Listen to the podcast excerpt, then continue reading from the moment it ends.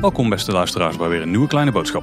Ja, welkom bij de podcast over alles Efteling met Tim Hinsen en Paul Sprangers.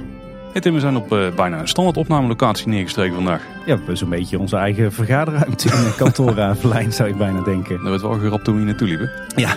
En met goede reden, want we zitten weer aan tafel met een Eftelinger. Jazeker. Uh, we krijgen weer een kijkje achter de schermen vandaag. En het leuke is, we hebben natuurlijk bij Kleine Boodschap al geregeld uh, gesproken met mensen van de ontwerpafdeling. Met mensen van de uitvoeringen, projecten en de technische dienst en decoratievormgeving. Maar ja, daar zit eigenlijk nog een stapje tussen natuurlijk hè. Ja, want het moet ook natuurlijk nog technisch gerealiseerd worden. En daar hebben we natuurlijk bij de Efteling zelf ook de experts voor binnen zitten. Ook weer uniek denk ik ten opzichte van de andere bedrijven. En we misschien straks even dieper op ingaan. En een van de mensen die daar uh, zich heel veel mee mag bemoeien is uh, Mark Jansen. Mark, welkom een kleine boodschap. Ja, leuk om hier te zijn. En jij bent de teamlead Technical Design bij de Efteling. Misschien moeten we daar even goed gaan checken wat het is. Maar voor de mensen die geen beeld hebben bij de podcast, want dat is natuurlijk altijd bij, bij ons. jij bent wel een, een gezicht wat vaker langskomt. Want een verschillende making-ofs ben je al langsgekomen. En op de blog kom je wel eens voorbij. Ja, dat klopt. Ik, uh, ik ben sinds een aantal jaar leidinggevende. Daarvoor heb ik projecten gedraaid. En in die projecten kwam ik regelmatig in een making-of voorbij. Kijk, dus mensen zouden je al kunnen kennen. En volgens mij ook van een van de, de mini-documentaires in het Noord-Brabants Museum. Ja, zeker, ja. ja. Volgens mij uh, hingen wij naast elkaar in de, in de nee, klopt, ja. ja. ongeveer wel, ja. Hey, uh, Paul, jij zei technical design, maar volgens mij mogen we ook gewoon technisch ontwerp zeggen, toch? Zeker, zeker. Maar op LinkedIn-profiel uh, stengels. hey, voordat we het over de afdeling technisch ontwerp gaan hebben, willen we het ook natuurlijk even over jou hebben of met jou kennis maken. Kan jij eens wat over jezelf vertellen, Mark? wie ben je en wat doe je hier? Ik kom uit Tilburg, dus ik ben een local. Ben vroeger ook al wel eens naar de Efteling geweest. Zelfs een jaar een abonnement gehad. Toen dat nog van die grote geplastificeerde kaarten waren. Kennen jullie wel bekend? Zeker. Ja, zeker. Um, ik heb elektrotechniek gestudeerd in Eindhoven. Um, en uh, nooit eigenlijk met de bedoeling om bij de Efteling te gaan werken. Maar toen ik afgestudeerd was, had ik nog niet zoveel werk. En ik denk, ja, ik ga niet thuis zitten en solliciteren. Dus toen uh, met mijn horeca-ervaring van mijn studententijd uh, ben ik in het Witte Paard begonnen hier. En uh, ondertussen druk solliciterend. En langzaamaan ging dat solliciteren steeds op een lager pitje, want dat beviel hier wel. En uh, heb ik uh, uiteindelijk gesolliciteerd bij de technische dienst als backup monteur. En zo ben ik de techniek ingerold. Wat dat ik de techniek in wilde was wel altijd duidelijk. Ja. ja, want ik ken jou nog uit mijn tijd toen ik hier nog werkte. Toen was jij nog gewoon een monteur op de fiets met het, de leren gereedschapstas achterop. Zeker. En dan de gereedschapstas hoorde erbij, maar het was meer de laptop voor alle besturingssystemen. ja. maar dat klopt zeker, ja. Nu, nu, doe je iets heel anders. Of nou ja, niet iets heel anders. Ik denk iets wat er wel verband mee houdt. Kan je een beetje vertellen hoe jouw loopbaan bij de Efteling eruit ziet uh, tot nu toe? Zeker. Um, het Witte Paard was 2003. Hartstikke leuk om te doen. Uh, heel veel gastcontact, heel veel leuke collega's. Um, dus eigenlijk ook wel gezegd ik wil eigenlijk wel bij de technische dienst gaan werken. Maar vind ik ook wel jammer. Uh, dus ben ik in 2004 daar begonnen. Bouwmeisje met een zwavelstokjes meegedaan. daarna vrij snel ook met de ontwerpen voor de Vliegende Hollander begonnen. Voor de showtechniek. want dat, die werd ook gebouwd. Um, ik heb altijd in de besturingssystemen gezeten, attractiebesturingen, showbesturingen. Um, en van daaruit monteur, service engineer. Um, op een gegeven moment heeft de Efteling een professionaliseringsslag gemaakt in het technische domein. Dan hebben ze gezegd, nou, wij willen eigenlijk dat engineering een losse afdeling wordt. Dus dat, daar ben ik toen gaan werken bij de afdeling engineering. Um, en na een uh, tijdje zijn we samengevoegd met de projectenafdeling, omdat ja, we elkaar vaak uh, tegenkwamen. Um, op een gegeven moment wordt het zo groot dat het weer een losse afdeling is geworden. En daar uh, ben ik uiteindelijk de leidinggevende van geworden in 2014, 15. Misschien goed om even in te zoomen op die afdeling technisch ontwerp. want dat is het waar jij nu dus dagelijks mee bezig gaat. Wat houdt technisch ontwerp precies in? Want de term, daar kan ik me van alles bij voorstellen. Maar wat, wat betekent binnen de Efteling? Um, de afdeling, zoals ik net zei, heet de eerste engineering. Ik denk dat dat in de buitenwereld ook nog de beste lading dekt. Alleen omdat wij geen hardcore engineers zijn die alles tot op het laatste boutje en schroefje uit engineeren. En ook veel met het ontwerp bezig zijn. Ook de creatieve kant van de engineering eh, meepakken. Hebben we de afdeling een aantal jaar geleden eigenlijk omgedoopt naar technisch ontwerp. Zodat we ook goed aansluiten bij de ontwerpafdeling. Letterlijk onze buren hier in uh. En de andere afdeling, uh, de buren aan de andere kant, de projectenafdeling. En eigenlijk die drie afdelingen, dus projecten, technisch ontwerp en ontwerp, die, dat vormt de projectorganisatie van de Efteling. Dus wij doen niet het onderhoud van het park, wij doen niet de storingen, dat doet het park allemaal zelf. dat gaat prima. Um, maar als er dus een projectvraag is, het zijn nieuwbouw of een groot onderhoud modificatie, dan komt die vraag bij ons. En dan proberen wij die vanuit onze drie afdelingen met de juiste mensen te bemensen, om daar eh, projectteams te vormen. En in die projectteams moet het werk gebeuren. En daarbinnen zijn wij verantwoordelijk voor het technisch ontwerp. Wat voor zaken vallen allemaal onder technisch ontwerp? wij hebben eh, binnen technisch ontwerp een aantal disciplines in huis zitten. Elektrotechniek, besturingstechniek, bouwkunde, werktuigbouwkunde, showtechniek en thematisering. Dus een aantal klassieke disciplines en een aantal uh, Efteling technische disciplines. Ehm, we hebben ook uh, tekenaars uh, en uh, BIM-modelleur voor ons werken. En we zijn eigenlijk de schakel tussen het projectteam, de de ontwerper van de ontwerpafdeling en de buitenwereld. Want we werken natuurlijk heel veel met externe partijen samen. Ook omdat er superveel expertise zijn waar wij geen verstand van hebben. Dus daar, daar werken we mee samen. En, en hoe moet ik me dat uh, dan voor me zien? Er, er, speelt een project, laten we zeggen de, de nieuwbouw van een, uh, een sprookje. Laten we het klein aanvliegen. Dan komen er een aantal mooie tekeningen vanaf de ontwerpafdeling jouw kant op. En dan gaan jullie dat ja, technisch uitwerken in technische tekeningen. Vroeger wel dus vroeger was er altijd eerst een, een, een esthetisch ontwerp en een beleving en een, uh, een mooie schetsen. Dan gingen wij dus zeggen van oké, wil je dat bouwen? Dan gaan we daar een heleboel technische ontwerpen van maken. Dan als laatste kwam de uh, kostendeskundige en dan was het te duur en dan begon het cirkeltje vooraf Uh, en daar hebben we van gezegd, ja dat, dat cirkeltje dat werkt niet goed. Dus we hebben nu gezegd, we organiseren dat integraal. Dus we wijzen van het begin af aan een projectteam aan met een projectleider, een kostendeskundige, een lead engineer en een ontwerper. En daar zitten natuurlijk allerlei discipline engineers en discipline ontwerpers bij. En um, er kan een idee zijn, er kan een eerste uh, blue sky schets zijn, maar dan gaan we al vrij snel met elkaar um, die fases door, uh, waar we jullie het al eerder over gehad hebben, om met elkaar tot een ontwerp te komen. En natuurlijk, het esthetisch ontwerp kan een voortrekkersrol hebben, want je moet wel iets hebben om naartoe te ontwerpen. Maar we proberen wel het esthetische ontwerp, het technische ontwerp en de uh, financiën bij elkaar te houden, zodat we daar niet uit de bocht vliegen. En jij zegt lead engineer, die moet je even uitleggen. Ik pak even de analogie met de ontwerpafdeling. Daar zit een hoofdontwerper op. Uh, en daar zitten ook een aantal vakontwerpers op. Bouwkundig ontwerper, landschapsontwerper, grafisch ontwerp. En dat is eigenlijk bij technisch net zo. Dus we hebben één lead engineer. Mag je een beetje zien als technisch projectleider. Die zorgt dat het technisch ontwerper komt. En die maakt gebruik van zijn vakdiscipline collega's die ik net noemde. En van externe partijen. Dus dat is eigenlijk voor de projectleider en ontwerper één aanspreekpunt waar alle techniek uh, bij elkaar komt. En jij vertelde net wat jullie allemaal voor verschillende engineers in, eh, in dienst hebben hier intern.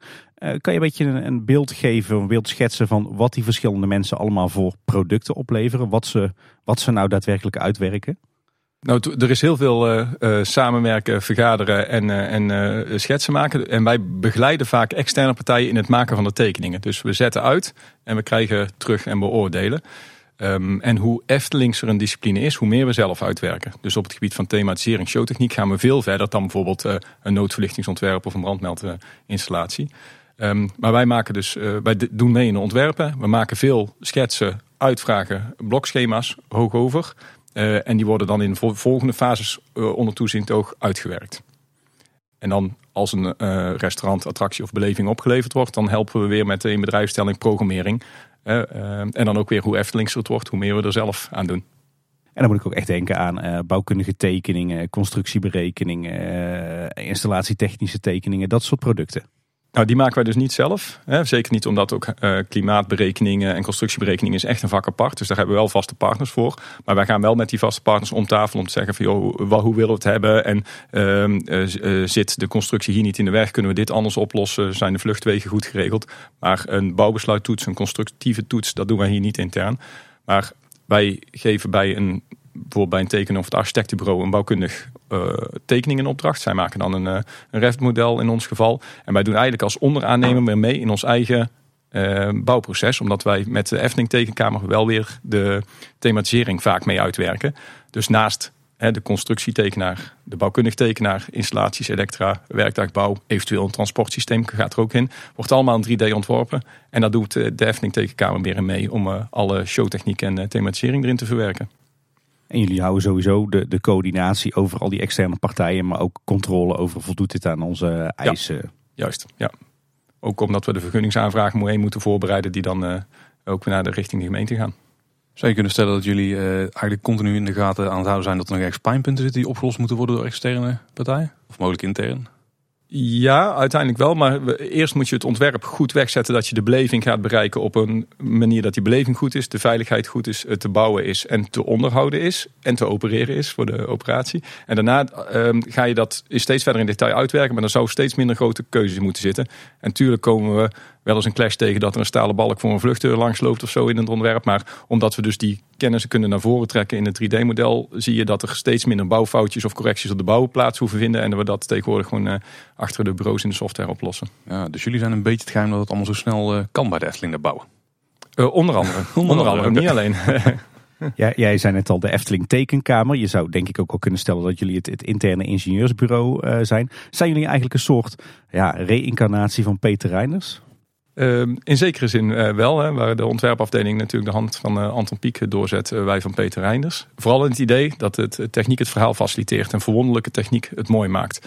En de wereld ziet er nu echt wel anders uit dan in de tijd van Peter Reinders. Want met een paar bandrecorders en trektouwtjes doe ik misschien tekort, maar komen er zeker niet meer. Maar die verwondering en die uh, gekke techniek uh, of, of bestaande techniek op een gekke manier toepassen, ja, dan moet er echt wel in blijven zitten. En dan merk je ook dat als dat goed in een ontwerp zit, dan, dan vallen die puzzelstukjes zo mooi in elkaar. Dan denk je, ja, dan, dan vliegt zo'n projectteam.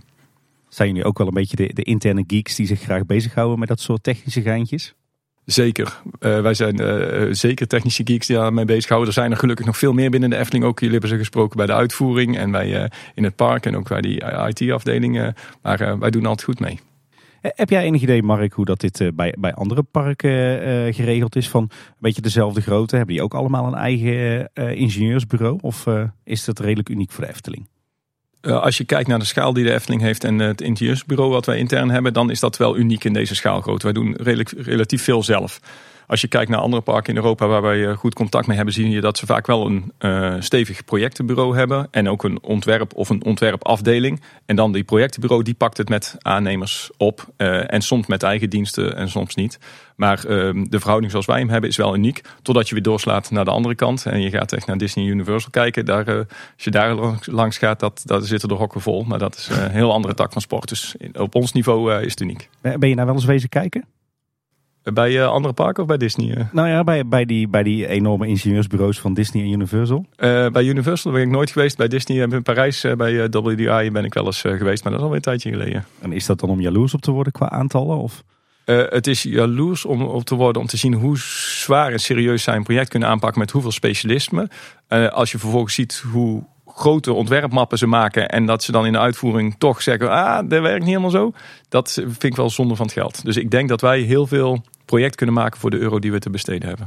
Dat uh, zien we ook terug in de investeringskosten uh, bij de Efteling. Ja. Uh, jij zegt net, we hebben een relatief grote engineeringsclub. Hoeveel mensen werken er bij jou? Kleine twintig vast en dan drie, vier stagiaires. En we hebben natuurlijk een flexibele skill van inhuur. dat kan zijn van bedrijven waar we mee werken of dat we mensen inhuren om voor een bepaalde periode vast bij ons op de afdeling te zitten. Dus ik denk dat we de, nu met een aantal grote projecten zoals de Grand Hotel en Dans Macabre, dat we er de 30 wel aantikken. Zo, Zo. flinke club. Uh, wat is nou eigenlijk het belang van zo'n grote interne uh, ingenieursafdeling? Het belang is dat wij uh, bij de Efteling de beleving uh, altijd zo ontwerpen dat er heel veel uh, techniek en aandacht voor details moet zijn. He, dus wij zetten geen betonplaat met een achtbaan erop en dan één leuk entreeplaatje boven de ingang. He, het zit allemaal zo goed in elkaar gestopt en zo goed in elkaar verweven ehm, dat we daar echt veel aandacht voor moeten hebben.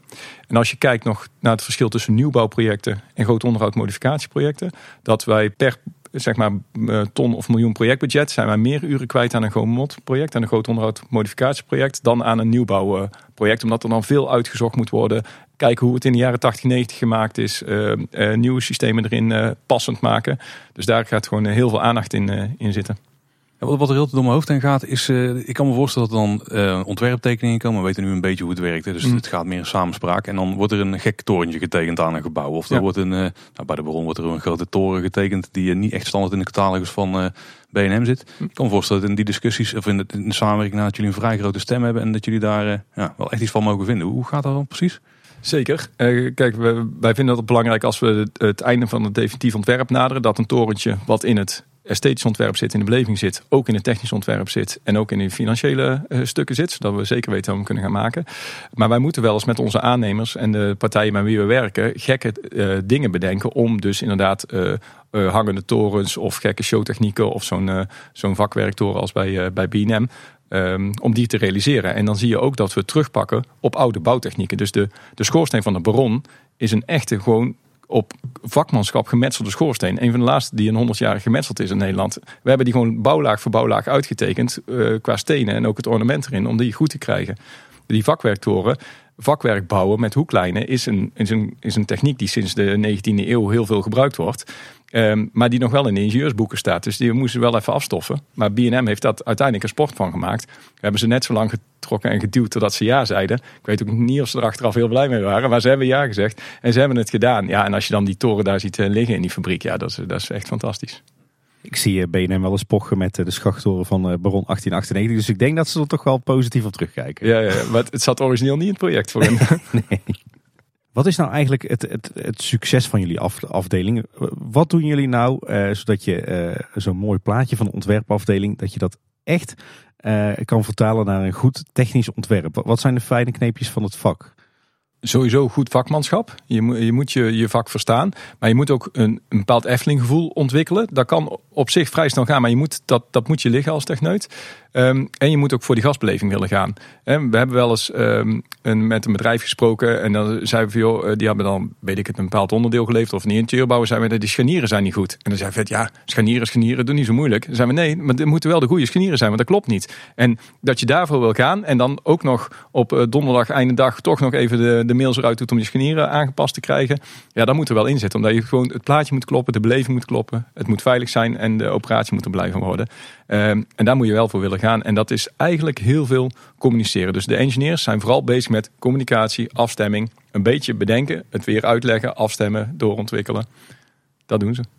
En dus die Eftelingse touch, dus echt uh, continu in de gaten houden van die beleving staat voorop. En dan moet echt gewoon kloppen en dan mogen we geen concessies op doen. Ja, ja of uh, soms moeten we er concessies op doen omdat het onderhoudbaar moet zijn, het moet veilig zijn, het moet maakbaar zijn. Maar als we dan op een gegeven moment met elkaar besloten hebben, zo gaan we het doen, dan gaan we daar ook voor. Hey, jij vertelde net al, uh, Mark, dat jullie tegenwoordig veel in 3D werken. Maken jullie ook nog gewoon ouderwets 2D tekeningen? Steeds minder. Alle aannemers waar we mee, waarmee wij werken, die werken in, in 3D, omdat het gewoon tegenwoordig sneller en beter gaat. Dat er af en toe een, een 2D uh, AutoCAD tekening uitgehaald wordt om iets bijvoorbeeld in krullen of lijnen uit te werken.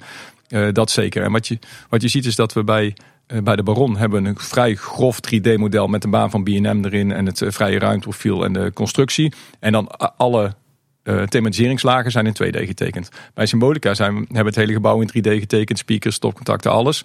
En dan hebben we alleen bepaalde elementen eruit gepakt die we in 2D getekend hebben. En bij de Zes Zwanen zijn we helemaal 3D gegaan. En nu zie je ook bij Dans Macabre of, het, of de nieuwbouw van het huisje van uh, vrouw Holle. Dat is ook helemaal in 3D getekend, inclusief alle welvingen in het dak en in de muren. Maar bijvoorbeeld de kozijnenstaten en de deurmaten, die komen wel gewoon 2D eruit. Maar dat komt allemaal wel uit dus dan slaan we niet meer om naar uh, AutoCAD. Is het zo dat als, een, uh, als er een concept art gemaakt moet worden, dus echt de, de main concept art die gecommuniceerd wordt en zo, dat er dan zo'n 3D tekening wordt gepakt, die in perspectief wordt geplaatst en dat daar dan overheen getekend wordt grofweg? Ja, uh, dat kan. Uh, en als we een bird eye view willen tekenen, willen we ook nog wel eens een drone omhoog sturen om het goede perspectief te pakken. En dan het gebouw er in de juiste oriëntatie vanuit de 3D in te zetten. En dan wordt daar overheen getekend. Zodat het, dus je ziet ook dat die concept arts qua verhoudingen steeds beter gaan kloppen. Ja, dat was inderdaad op het geval de afgelopen jaren. ja, tenzij er stationnetjes bij worden verzonnen of zo. Dat, er hoeft hier niet meer aan de ontwerpers de vraag gesteld worden. Beheerst u het perspectief? Nee, nee, nee. nee, nee. dat doet de computer tegenwoordig. Ja. Hey, en ik heb het idee dat jullie ook steeds meer met, met 3D-scans werken. Hè? Met het inmeten van oude objecten. Ja, dat klopt. Eh, de oude objecten, daar hebben we wel bouwtekeningen van eh, in het archief. Die zijn ook allemaal eh, op kalk getekend. We hebben dat allemaal ingescand, zodat we die er wel bij kunnen pakken. Maar je ziet toch, omdat er vaak ook op de bouw zelf aanwijzingen werden gegeven, dat er veel details in zitten. Dus wij zijn eigenlijk mee begonnen bij het huisje van vrouw Holle, om die helemaal binnen buiten te scannen. Um, dat hebben we bij vrouw Holle ook weer gedaan. En, en, en, sindsdien bij diverse sprookjes of, of ook wel problemen die we op willen lossen. Zodat je gewoon zeker weet dat je goed zit. Um, en dan maken we ook tekeningen die onder 30 centimeter dat gebouw doorsnijden. Dus dat ook de welvingen in de stuk en de welvingen in het dak, dat, uh, dat die kloppen. En ik zag bij de herbouw van het huisje van mevrouw Holle, zag ik ook dat de, dat de timmerlieden ook een soort mallen hadden gemaakt voor het stukwerk. Dat hm. komt dan dus uit die, die plakjes die jullie uit dat model halen. Exact, dus die plakjes komen uit het model, die slaan we om naar een AutoCAD tekening, die plotten we één op één. Uh, uh, en die worden dan op een MDF plaat of ander plaatmateriaal geplakt en uitgezaagd. Zodat we zeker weten dat het er op dezelfde manier staat. Dat is wel redelijk top-notch engineering, toch? Ja, wat? Eén op één plot en houten platen. nou ja, een, een 3D-model maken van stukwerk en daar, ja. uh, daar dit soort modellen voor uh, uitwerken inhoudt. En de, de gemeente wil dat ook graag zien voor de constructiegegevens en te zien. We maken dat natuurlijk met moderne materialen, steviger, betere funderingen. Uh, en aan de buitenkant wil je dat verschil niet zien. dus dat is wel nodig.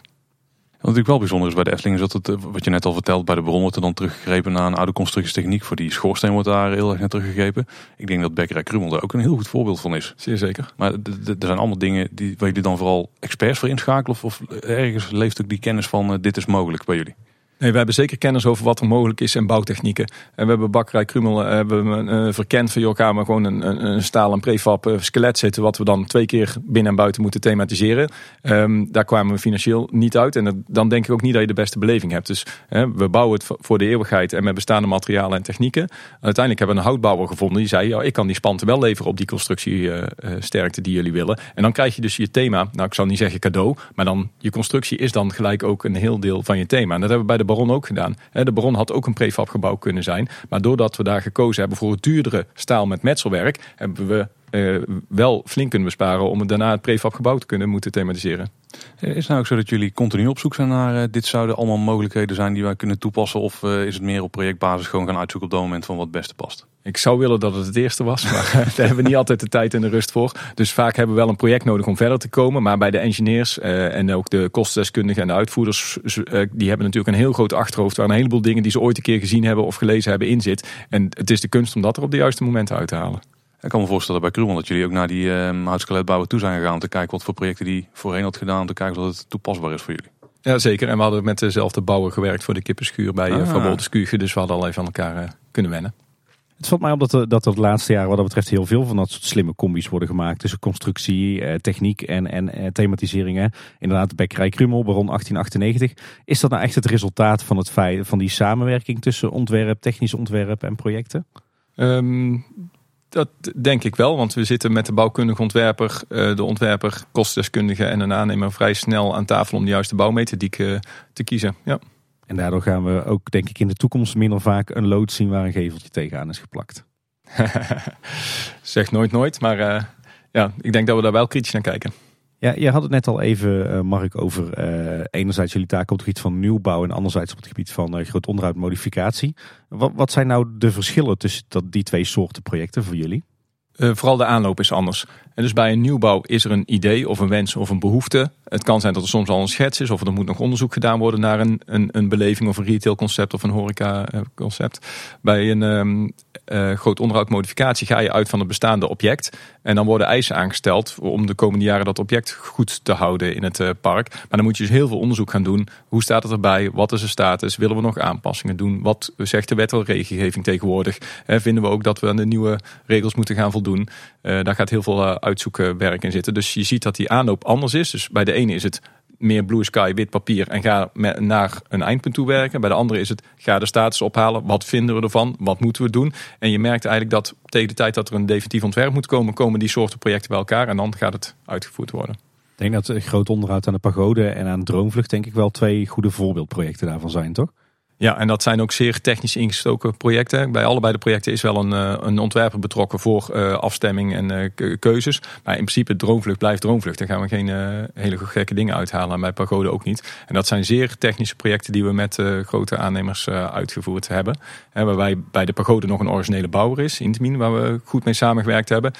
bij Droomvlucht is dat niet meer. Dus we hebben een, zelf een, een, een groep partijen bij elkaar moeten brengen die met die baan en die voertuigen aan de gang wilden gaan. En ik denk dat jullie op dat moment ook wel een intensieve samenwerking hebben met de onderhoudsclub van het park, toch? Ja, eh, de informatie uit de onderhoudsclub die komt eigenlijk uh, aan het begin van zo'n project. Want vaak is hun informatie en hun kennis en kunde is aanleiding om een project te stellen of om het nog een jaar uit uh, te stellen of om het project te starten. Wij gaan dan ook de storingsanalyses krijgen mee en ook de wensen voor verbetering en pijnpunten. Ook van de operatie. Als je dan toch bezig bent kun je dan gelijk X of Y. De lijstje wordt altijd wel langer. Um, maar zeker. En dan uh, bij de inbedrijfstelling proberen we ook weer de onderhoudsafdeling te betrekken. Want er komt altijd weer een update in onderhoudsvoorschriften. Of er zitten nieuwe systemen in die je moet leren kennen. En dat leer je het beste door er gewoon uh, mee aan de gang te gaan. En niet uh, een avondje rond te komen lopen. Dat klinkt nu redelijk formeel met allerlei afdelingen en overdrachtsmomenten. Maar is het nog echt uh, ook nog een klein beetje het, het Brabantse bedrijf waarbij iedereen bij elkaar binnenloopt en over de schouder meekijkt? Uh, dus steeds minder, daar hebben we te druk voor. Uh, je ziet wel dat bij een project als uh, Droomvlucht dat dat natuurlijk onze interne diensten wat meer te doen hebben dan bij een project als, als Pagode. Maar we, we kunnen goed bij elkaar binnenlopen en er ook dan altijd weer iets van vinden. En daar hoort bij. Dat is in al die jaren niet veranderd. nee. Er zijn er binnen de Efteling nog specifieke technische, rondom technisch ontwerp en uitdagingen die anders zijn dan in de buitenwereld? Als je daar projecten zou draaien? Uh, wat een groot verschil is wat we zien is als je kijkt naar machineveiligheid. Dan is regel 1 van machineveiligheid is scherm de gevaar af en houden mensen weg. Wij, uh, wij uh, hebben gasten die we juist in een transportsysteem plaatsen en daar veilig mee om willen gaan. Dus die eisen die zijn super hoog en eh, super ehm, goed gesteld. Omdat alles natuurlijk helemaal veilig moet zijn. dat is wel een groot verschil. Ik uh, moest laatst wel uh, lachen, Mark, want ik, ik volg jou op LinkedIn en er kwam een post, voor, een post voor jou voorbij met een heleboel vragen. En ik ga het nou toch aan jou om antwoord vragen, want je, je vroeg zelf, hoe zit het met het links draaiveld in de Efteling? En waarom is de draairichting van een draaimolen daar de oorzaak van? En maakt het nog uit nu de molen op een frequentieregelaar draait? Drie lastige vragen.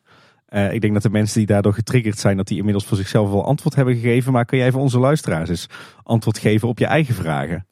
Zeker. Um, het heeft een achtergrond in de elektrotechniek. Wij zijn, uh, wij zijn op zoek naar een engineer uh, elektrotechniek. En ik dacht, ja, als je dit, door dit soort vragen getriggerd wordt, dan ben je de juiste man of vrouw die wij zoeken.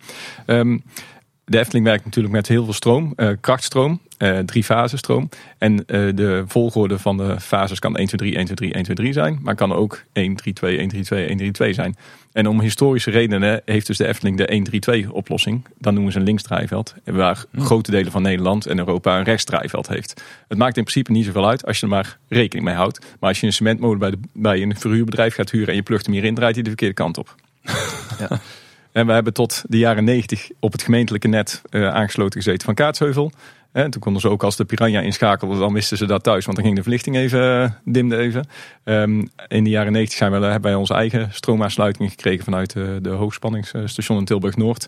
En daarbij is, dat, is die draairichting gehouden, omdat bij de eerste trafo de draaimolen de verkeerde kant op draaide. En toen hebben ze twee draadjes omgedraaid, draaide de draaimolen de goede kant op. Maar ja, toen trafo 2, 3 en verder kwam, hebben ze dan nooit meer teruggedraaid.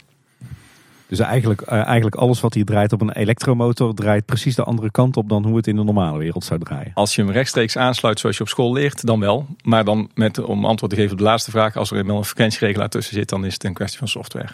Ah, kijk. Ja. Alle antwoorden gekregen, Tim. Ja, ik denk dat wij het allebei al snappen, Paul. Ik ben benieuwd of al onze luisteraars het zullen snappen. Nou, maar, nu snap ik het wel, maar toen ik de vragen zag, toen had ik geen enkel idee. dus we hebben waar geleerd. Ja.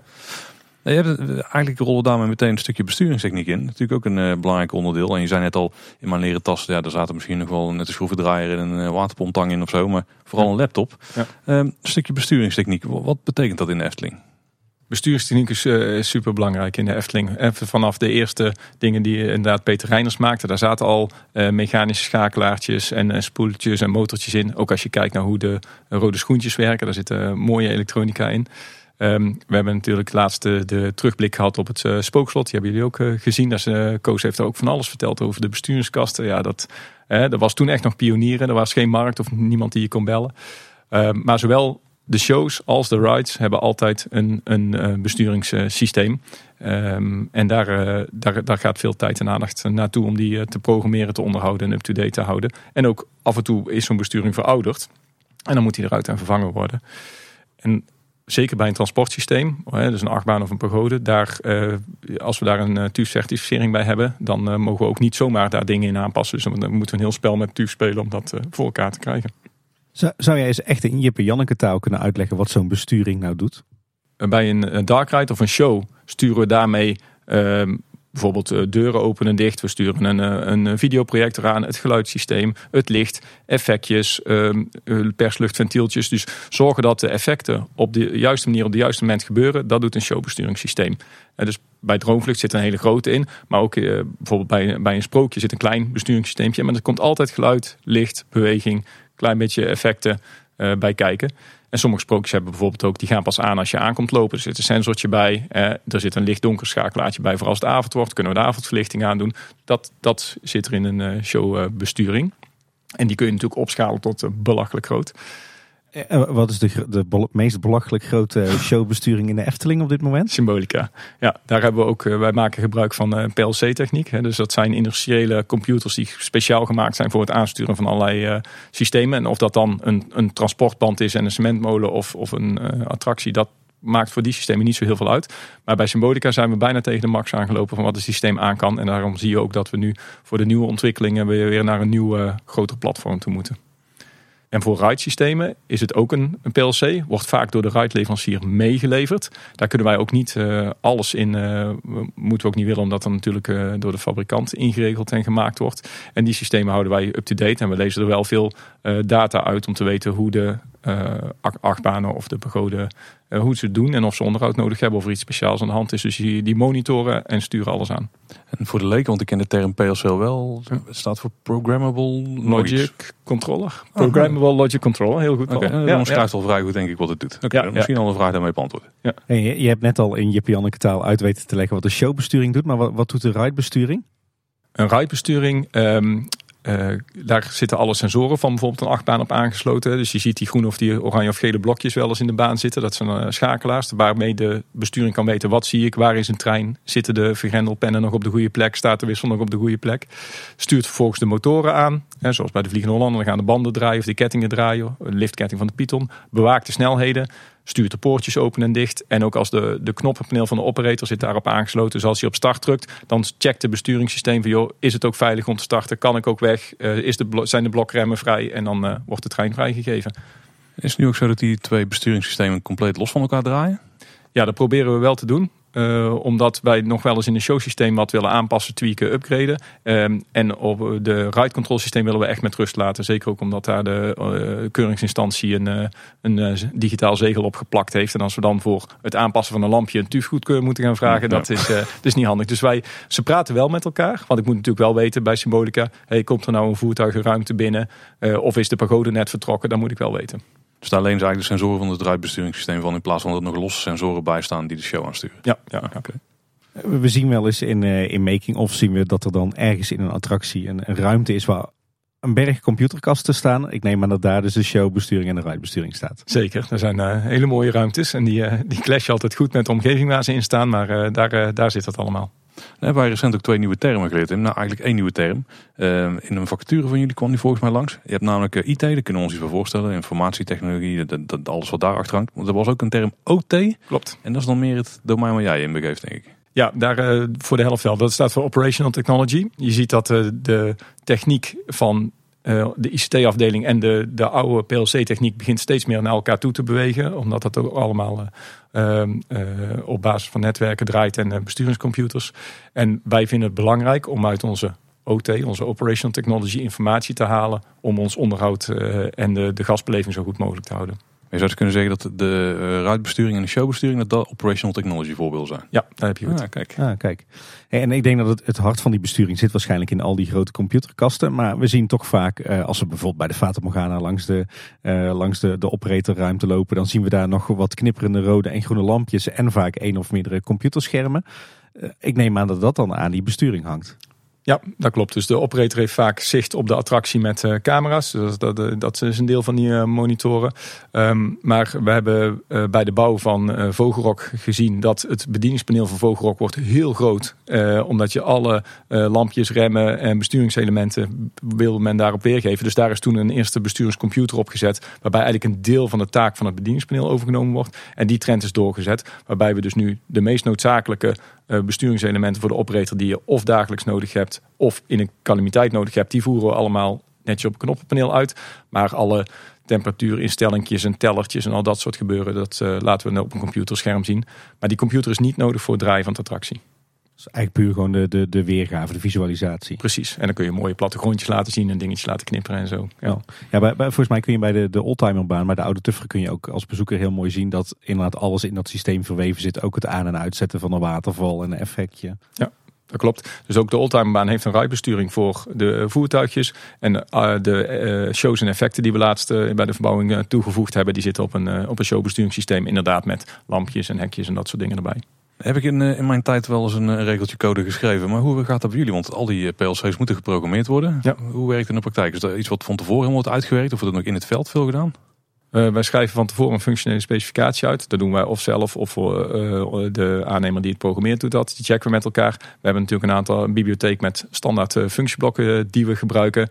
Um, dus de code is eigenlijk, uh, die, die nemen we in een vat al af. Uh, en als je op locatie komt, dan moeten natuurlijk uh, de sensoren gecheckt worden. Zit elk kabeltje op het juiste plekje aangesloten en elk lampje op het juiste plekje.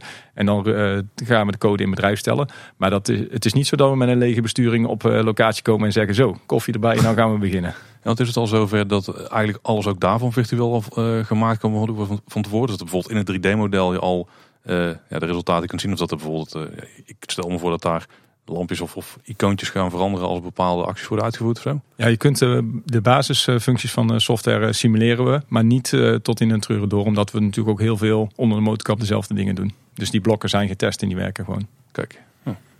En als we dan gaan kijken naar die, die showtechniek, want ik denk dat het voor onze luisteraars misschien nog wel het, het meest interessante is. Uh, laten we bijvoorbeeld Meisje met de zwavelstokjes als voorbeeld nemen. Dat is een sprookje zonder transportsysteem. Uh, maar daar gebeurt wel heel veel in qua licht en geluid en projectie. Was ook jouw eerste grote project. Ja. Begin je dan wel met een wit vel en ga je dan wel programmeren van startshow en dan na zoveel seconden gaat dat lampje aan en na zoveel seconden die projector. En toen nog wel. In de tijd van het uh, Meisje met Zavelstokjes hebben we dat inderdaad uh, zo gedaan. En bij Aspoester uh, hebben we dat al wat meer voorbereid. Maar dan wordt de, dat was nog...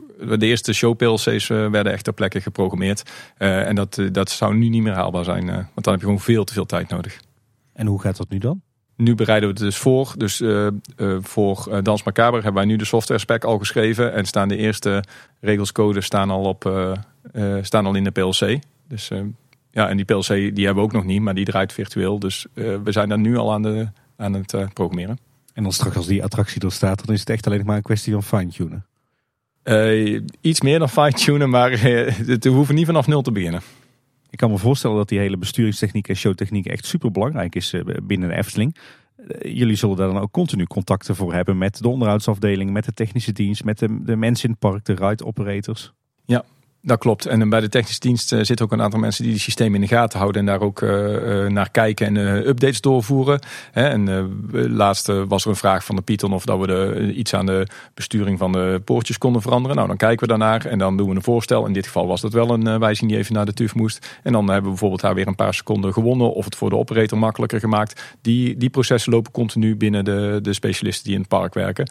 Um, en als we de echte besturingssysteem helemaal vervangen, dan kijken we wat vonden we goed aan de oude besturing, wat vonden we niet goed aan de oude besturing. En dan, uh, zoals bij de Pro zit nu een compleet nieuw systeem in. Ja, daar hebben we natuurlijk een heleboel kennis en kunde van de oude, de vorige twee besturingen al in zitten.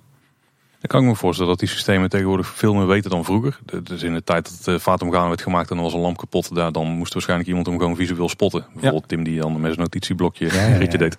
Ja, we hebben heel veel vakbekwame collega's die dat kunnen, ja. Die ook kunnen, mooi. Maar eh, tegenwoordig kunnen die systemen heel veel van die informatie zelf melden. Ja, vroeger moesten we ook uh, lampenrondjes lopen omdat gewoon lampen ook kapot gingen. Nu we daar allemaal LED-verlichting gebruiken, hoeft dat veel minder. En daarmee is er ook veel minder controle op die verlichting. Dus de moderne showspots die wij uh, via DMX aansturen, de lichtprotocol, daar zit ook weer een laag bovenop, wat we RDM noemen. Dus die lampen die melden zich terug als ze voedingsproblemen of LED-problemen hebben. Um, en dan kan er gericht een storingsmonteur naartoe. En is dan zo dat die meldingen bij de attractiebesturing binnenkomen of worden die centraal ergens meteen automatisch verzameld? Nee, we maken alle attracties uh, op zich. Dus daar uh, komt alle informatie binnen. Dus we hebben ook geen. de attractie kan gewoon helemaal standalone draaien. we kunnen wel vanuit ons centrale computersysteem natuurlijk alle meldingen ophalen. Maar als je dat zou doen, je zet het filter uit, je haalt alle meldingen van het park op, dan zie je door de boom het bos niet meer graag. Dus dat is aan de operator om dan dat, dat op waarde te schatten, de juiste meldingen te doen. en een aantal meldingen die wij bijvoorbeeld belangrijk vinden, maar moeilijk te zien zijn voor een operator, die halen wij door naar het centrale systeem. False positives zijn uh, aan de orde van de dag. Ja. Dus uh, maar alles wat je met de sensor doet. ja. ja. We hadden het over Jip en Janneke taal. Oh ja, sorry. sorry. We hebben uh, laatst tijdens onze jubileumshow hebben we ook een gesprek gehad met, uh, met, uh, met Jonas Rietbergen van Data Insights. Je hebt het over allerlei informatie die jullie uit de systemen halen over storingen. Ik kan me voorstellen dat, dat die afdeling daar ook een rol in kan hebben. Ja, dat is voor hun natuurlijk super interessante data. En wij kijken daar alleen maar naar vanuit het oogpunt van onderhoud en uh, beleving voor de gast. En wat zien we nou? Maar zij kunnen nog veel betere uh, data-analyses maken over langere tijden. Het correleren aan bezoekersaantallen, aan het weer, uh, dat soort dingen. Dus daar, daar lopen nu de eerste experimenten over. En soms komt daar iets leuks uit. En, en soms ook niet. Maar daar, daar zijn we heel veel aan het leren om, om ook beter te worden in het onderhoud. Zodat we ook steeds minder de gasten overlast hoeven te maken. Heb je, heb je zo'n een, een, voorbeeld van een, eh, een leuk inzicht wat eruit naar voren is gekomen? Um, we zijn natuurlijk veel bezig met duurzaamheid. Uh, wij meten op heel veel plekken in het park het stroom, water en gasverbruik. Uh, en we hebben nu voor, uh, voor één restaurant bij Polles Keuken hebben het energieverbruik voor de medewerkers in beeld gebracht. En daar hebben we ook een berekening in het hoekje gemaakt hoeveel kilowattuur we per pannenkoek uitgeven. Om te kijken, joh, kunnen we daar iets mee? En je ziet dus door dat inzichtelijk te maken dat langzaamaan ook het energieverbruik van Polles Keuken aan het dalen is. Oh. Ja, mooi. Gewoon gedragsverandering eigenlijk dan. Ja, inzicht, uh, inzicht maakt verandering. Ja. kan ik me van heel lang geleden nog een artikel herinneren waarbij uh, er een plan werd geopperd om sensoren aan te brengen op bijvoorbeeld achtbaantracks die dan de trillingen meten. En als er een keer een storing optreedt, dat dan de hoop was dat je al die, in de aanloop naar die storing kon zien dat die storing ging optreden. Is er nog iets van terechtgekomen of zijn er mee bezig nog? We hebben daar wel experimenten mee gedaan. Het is lastig om uit een brei aan data dan de juiste dingen te zien, zeker van een rijdende achtbaantrein. Um, wij zien ook dat dat nog niet echt iets is wat fabrikanten ook aanbieden. Dus wij, uh, wij lopen daar toen met onze vraag wel een voorop. Je ziet wel dat grotere liftaandrijvingen die stationair opgesteld staan, bijvoorbeeld de liftmotor van de Vliegende Hollander, daar zitten trillingsensoren op. En die worden één keer in de zoveel tijd uitgelezen om te kijken van joh, eh, loopt alles nog goed? Moeten we het groot onderhoud doen of kunnen we nog een jaar door? Uh, dus dat gebeurt wel. Maar niet op de schaal die ik toen dacht dat het zou gaan gebeuren. Je ziet in, in de Efteling ook wel eens uh, hardnekkige storingen. Ik denk bijvoorbeeld aan mistsystemen. Ik denk aan een, een, een grote rotsdeur in de Fata Morgana. Uh, nou ja, daar is denk ik iets bedacht. En dan in de praktijk werkt het toch niet zoals je had gehoopt. Uiteindelijk moet je dat aanpakken. Zijn, zijn jullie dan ook de afdeling die gaat analyseren van uh, wat gaat hier mis en hoe zouden we het beter kunnen doen? Uh, dat doen we samen met de, de onderhoudsmensen uit het park en de kennis die zij hebben. Um, en dan vaak pro proberen we dat ook weer als project op te pakken. Want wij vinden het natuurlijk net zo vervelend. Ehm, kijk, we bouwen met betrouwbare techniek altijd prototypes. We voegen het op een bijzondere manier samen. Um, maar wij zouden ik ga er altijd graag op terug om die dingen te fixen en goed te maken. Dus jullie zijn ook een beetje de Willy Wortels van de Efteling eigenlijk? Ja, en uh, daarbij zoeken we wel altijd de verbinding ook met de, de werkplaats en de planning- en beheerafdeling. Maar wij uh, maken het graag uh, weer goed. Dus we gaan ook graag terug op een attractie om te kijken hoe staat het licht erbij, hoe staat het geluid erbij, de, de mistsystemen, de bezoekersbeleving. Dat is voor ons belangrijk. En het is ook wel eens lastig om tussen al het nieuwbouwgeweld ook aan. we willen eigenlijk net zoveel aandacht hebben voor het bestaande park. En dat bijt wel eens in alle agenda's en planningen. Ik kan, me, kan me voorstellen, ik zie ineens het, het huisje van Pinocchio uh, voor me. Een heel klein sprookje eigenlijk, maar daar zit volgens mij ook verschrikkelijk veel bewegingstechniek en besturingstechniek in. Ja, dat klopt. En daar hebben we ook veel bewegingstechniek is door onze werkplaatsen zelf gemaakt. Dus daar moeten we ook echt een afstemming hebben om die op de juiste manier op de besturing aan te sluiten. Maar ook eh, Pinocchio heeft meerdere sublocatietjes binnen het sprookje. Dus daar zit ook een uh, overkoepelend besturingssysteem in om daar één geheel van te maken. Even te check voor onze kritische luisteraars, Mark. Het valt mensen natuurlijk op als er langere tijd een deur in Fata Morgana of open staat. Maar daar weten jullie natuurlijk gewoon vanaf. Ja, ja, wij weten niet op dagelijks niveau alles. Daar, daar zijn de diensten in het park veel beter in. Maar die rotsdeur kennen we. We weten ook dat de fabelvis uh, mogelijk een beweging mist. Uh, er zijn uh, dingen die wij goed weten en die we ook of zeggen van joh, we kunnen er nu niks mee. Of we pakken het volgende groot onderhoud mee. Of um, ik heb laatst een, uh, bij een uh, hardnekkige probleem in het park hebben een, uh, een ochtend inloopsessie koekjes en koffie ingepland met iedereen die wilde komen. Engineers, IT, operatiemedewerkers. Om te zeggen joh, wat zou we hier nou kunnen? En als het origineel niet kan, wat zouden we dan wel kunnen brengen? En daar zijn dan toch komen hele wilde ideeën uit, maar ook een aantal bruikbare. Kijk luisteraars, dus het heeft altijd de aandacht. Ik ben er niet bang voor. Ja, maar het heeft niet altijd binnen een maand een opvolging. Nee, nee, dat weten we. De prioriteiten liggen soms gewoon ergens anders. Dat is ook de realiteit van de dag. Hè? Ja. Hey, we zien de laatste tijd uh, bij, uh, bij een heel aantal projecten ook geregeld uh, hier het, het straatwerk open liggen. En dan worden er grote sleuven gegraven en dan gaan honderdduizend kabels en leidingen in. Hebben jullie daar ook nog een rol in? Zeker. een van de disciplines die wij mee behartigen is ondergrondse infra. Uh, wij uh, proberen ook te kijken van wat is de status van de ondergrondse infra, wat moet er aan onderhoud aan gebeuren. Dat doen ze bij de onderhoudsafdeling. En wij proberen met de nieuwe uitbreidingen en de energietransitie ook te zorgen dat alle ondergrondse infra daar uh, tegen kan. We hebben natuurlijk vanaf de jaren 50, 60 spullen in de grond liggen, waarvan we ook niet altijd helemaal weten waar het ligt. Dus we hebben wel goede kaarten, maar ja, dingen veranderen in de wereld. Ehm, dus daar proberen we, als we de grond openmaken, um, iets meer pijn te pakken. Het ook gelijk goed te leggen. Soms komen we ook nog oude spullen tegen die echt de grond uit moeten. En dan leggen we nieuwe spullen erin en dan maken we het weer dicht.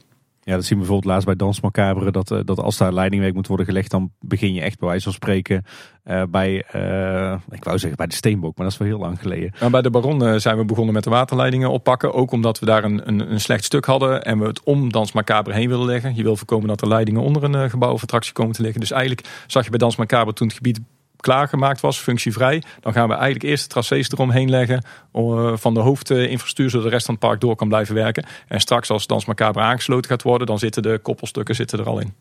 Is niet lastig dat het eh, heel onbekend is op bepaalde plekken in het park wat er nou onder de grond ligt? Want ik kan me voorstellen dat daardoor misschien budgetten ook onder druk komen te staan, want er in ieder geval verrassingen tevoorschijn komen dat er meer moet gebeuren in de grond dan wat uh, voorspeld was. Dat klopt. Kijk, we weten altijd best wel goed wat er aan kabels en leidingen ligt. Um, in, in de jaren uh, 50, 60, 70 zijn er goede tekeningen van gemaakt. Maar die zijn op een gegeven moment overgenomen in een CAD-tekening. Dus dat, uh, en alle nieuwe, vanaf 2000 is alles met eh, GPS ingemeten. Zo weten we heel nauwkeurig waar dingen liggen. Dus we weten altijd wel dat het ligt. Misschien niet altijd precies waar, maar dan kun je met een paar proefsleuven achterkomen. Maar we zijn wel eens een oude beerput tegengekomen of asbestcementleiding. Ja, dan moet je dan ter plekke zeggen, ja, het ligt nou open, nou eruit. Uh, en dat is budgetair niet altijd handig, maar dat moet dan wel uh, gebeuren. Want dat soort dingen kun je niet laten liggen. Ik kan me voorstellen dat jullie ook nog wel echte uh, kabels en leidingwerk uit de jaren 50 of misschien zelfs wel uit de jaren 30 tegenkomen. Ja, ik, mijn, mijn gedachten houden tot bij de jaren 50, maar het zou kunnen. We hebben inderdaad nog een paar oliegevulde hoogspanningskabels. Ja. Wow, oké. Nou, dan ga ik even naar googlen straks. Ja. Is het nou ook zo dat jullie voortaan uh, bij, uh, bij uitbreidingen en vernieuwing in het park, dat jullie ook een soort standaard uh, tracé aanleggen of een soort ringleiding? Ja, zeker. Het park kent meerdere ringleidingen. En ook dus wat we bij Dans Macabre doen, is eerst het gebied vrijmaken en een groot tracé eromheen leggen. Dat doe je bij nieuwe uitbreidingen ook. Dus er zit alleen stroom, drinkwater, riool, hemelwaterafvoer, perslucht, oppervlaktewater. Dat zijn dingen die daarin zitten. En we zullen bij nieuwe dingen geen aardgas meer inleggen. Maar goed, die komen in het park natuurlijk ook nog tegen. en dan werk je ook weer van grof naar fijn. Bereiden jullie het net nou ook voor op, op uitbreidingen? Dus dat het echt overgedimensioneerd wordt, dat er altijd nog 26 uh, achtbanen aangehangen kunnen worden? Uh, overdimensioneren met mate, ja. En wij kijken dus ook eens per kwartaal van hoe staan de netten ervoor? Waar gaan we aan de gang? Waar zien we de uitbreidingsmogelijkheden? Waar zijn de concrete projectaanvragen? En ook de grootste impact op onze energienet is de energietransitie die wij doormaken. Want dat, dat, ja, dat geeft heel veel impact. Ja, wat zijn dan de, eh, nog even los van, van alles wat jullie aan duurzaamheid doen, want daar gaan we het dadelijk nog over hebben. Maar wat zijn dan een beetje de toekomstige ontwikkelingen rond die ondergrondse infra en energietransitie? Nou, je ziet dat uh, als je zonder aardgas gaat werken, dat daar uh, wel meer elektraverbruik tegenover staat. Uh, wij hebben ons eigen middenspanningsnet hier in de Efteling. dus daar moeten wij goed naar kijken dat alles travers op de juiste plek staan en de ringen goed belast worden. Um, en um, met het drinkwaternet wil je kijken, joh, heb je voldoende flow? Zorg je dat er geen dode eindes in zitten en dat er genoeg spoelmogelijkheden zijn om dat goed te krijgen. En dan misschien toch meteen doorpakken op, uh, op het puntje duurzaamheid. Maar dan gaan we nog even in het verlengde verder van het, uh, van het netwerk wat er in de Efteling ligt. Uh, want we weten dat jullie hebben een zonnepanelenpark aangelegd. de tweede is een aanbouw. Misschien tegen de tijd dat de aflevering uitkomt staat hij al. Zou zomaar kunnen. Ja, en er zijn ook flink wat sleuven gegraven met kabels richting de Efteling. Maar is het ook zo dat die elektriciteit van die panelen direct naar, naar het park ingaat? Of komen die gewoon op het algemene stroomnet waar de Efteling dan ook weer van afneemt? Nee, ze worden achter ons hoofdmeter aangesloten. Dus de twee zonneparken worden aangesloten op uh, middenspanningsringen in het park. Uh, eentje op een ring die ook echt het park ingaat. En de nieuwe die wordt op de ring van de verblijven aangesloten. Dus die stroom die wordt ingevoerd. Wat er op die ring opgemaakt wordt bij het verblijf of bij het park is mooi meegenomen. En dan via ons verdeelstation kan vloeit de energie ook de rest van het park in. En is het dan ook zo dat je daar rekening mee moet houden met de capaciteit van het net? Dat, dus, want er, er kan in potentie zoveel energie vanaf komen. Kan de Efteling het altijd absorberen, zeg maar? Um, ja, daar kan heel veel energie van afkomen. Um, als wij straks het tweede zonnepanelenpark klaar hebben en het, allebei de parken draaien op maximaal vermogen, dan wekken we meer op dan wij uh, kunnen gebruiken op een uh, dag. Uh, dus dat is een beetje op de groei gekocht, want wij leveren niet terug aan het net. Daar zijn we over nog in gesprek met de leveranciers.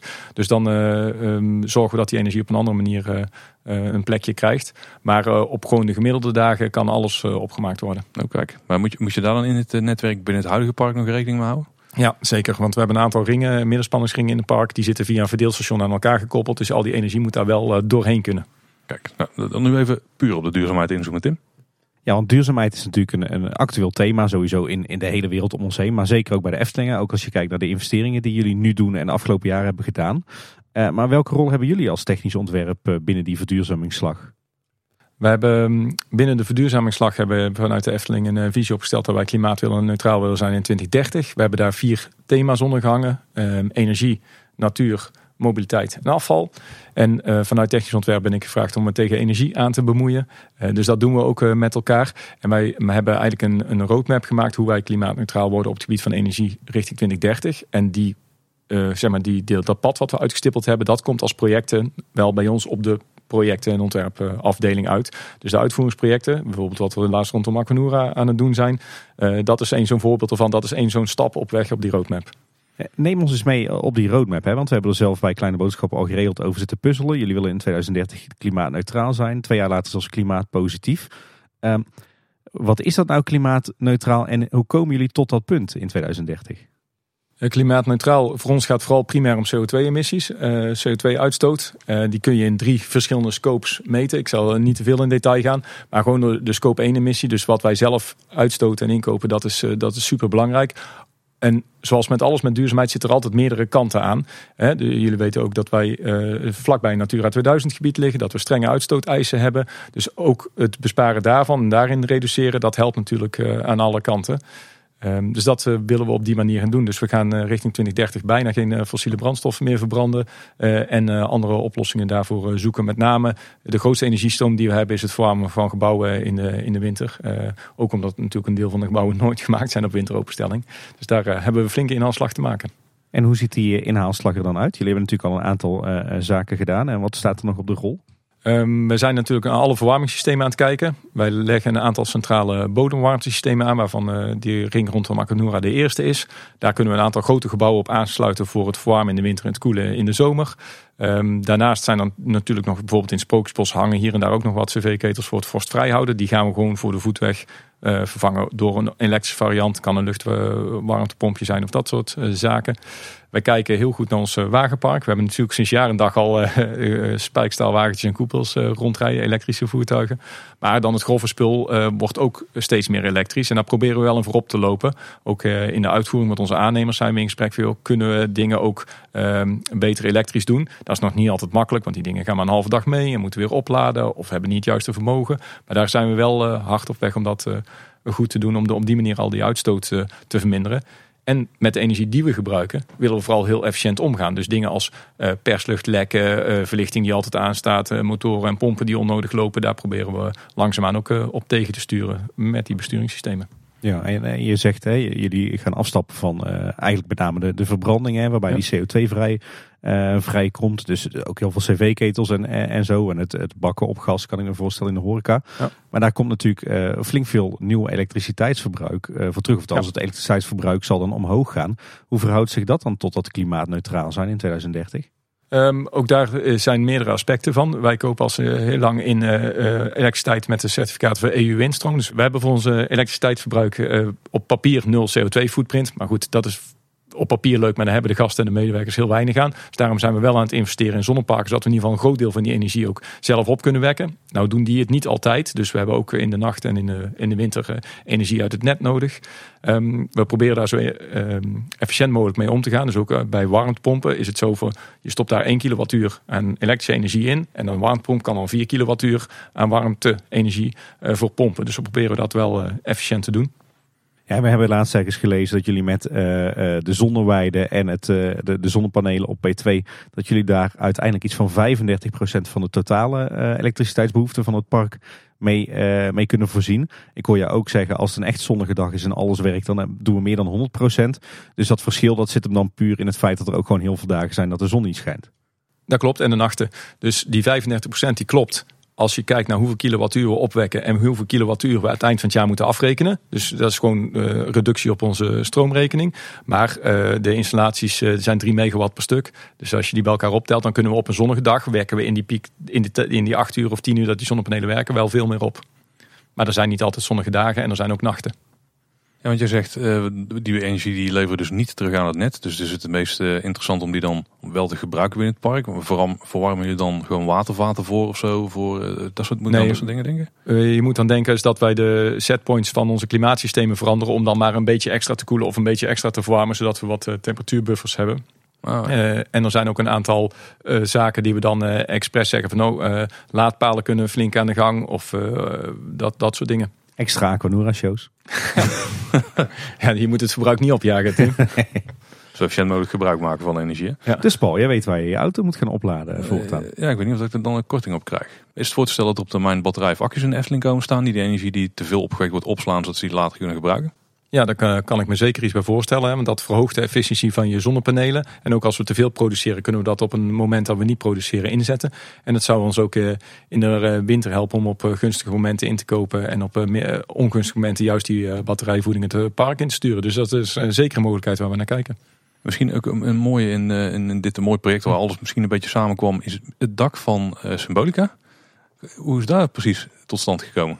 Het uh, dak van Symbolica is, is groot en heel zichtbaar vanuit uh, de pagode. Daar zijn we ons tijdens het project heel uh, bewust van geweest.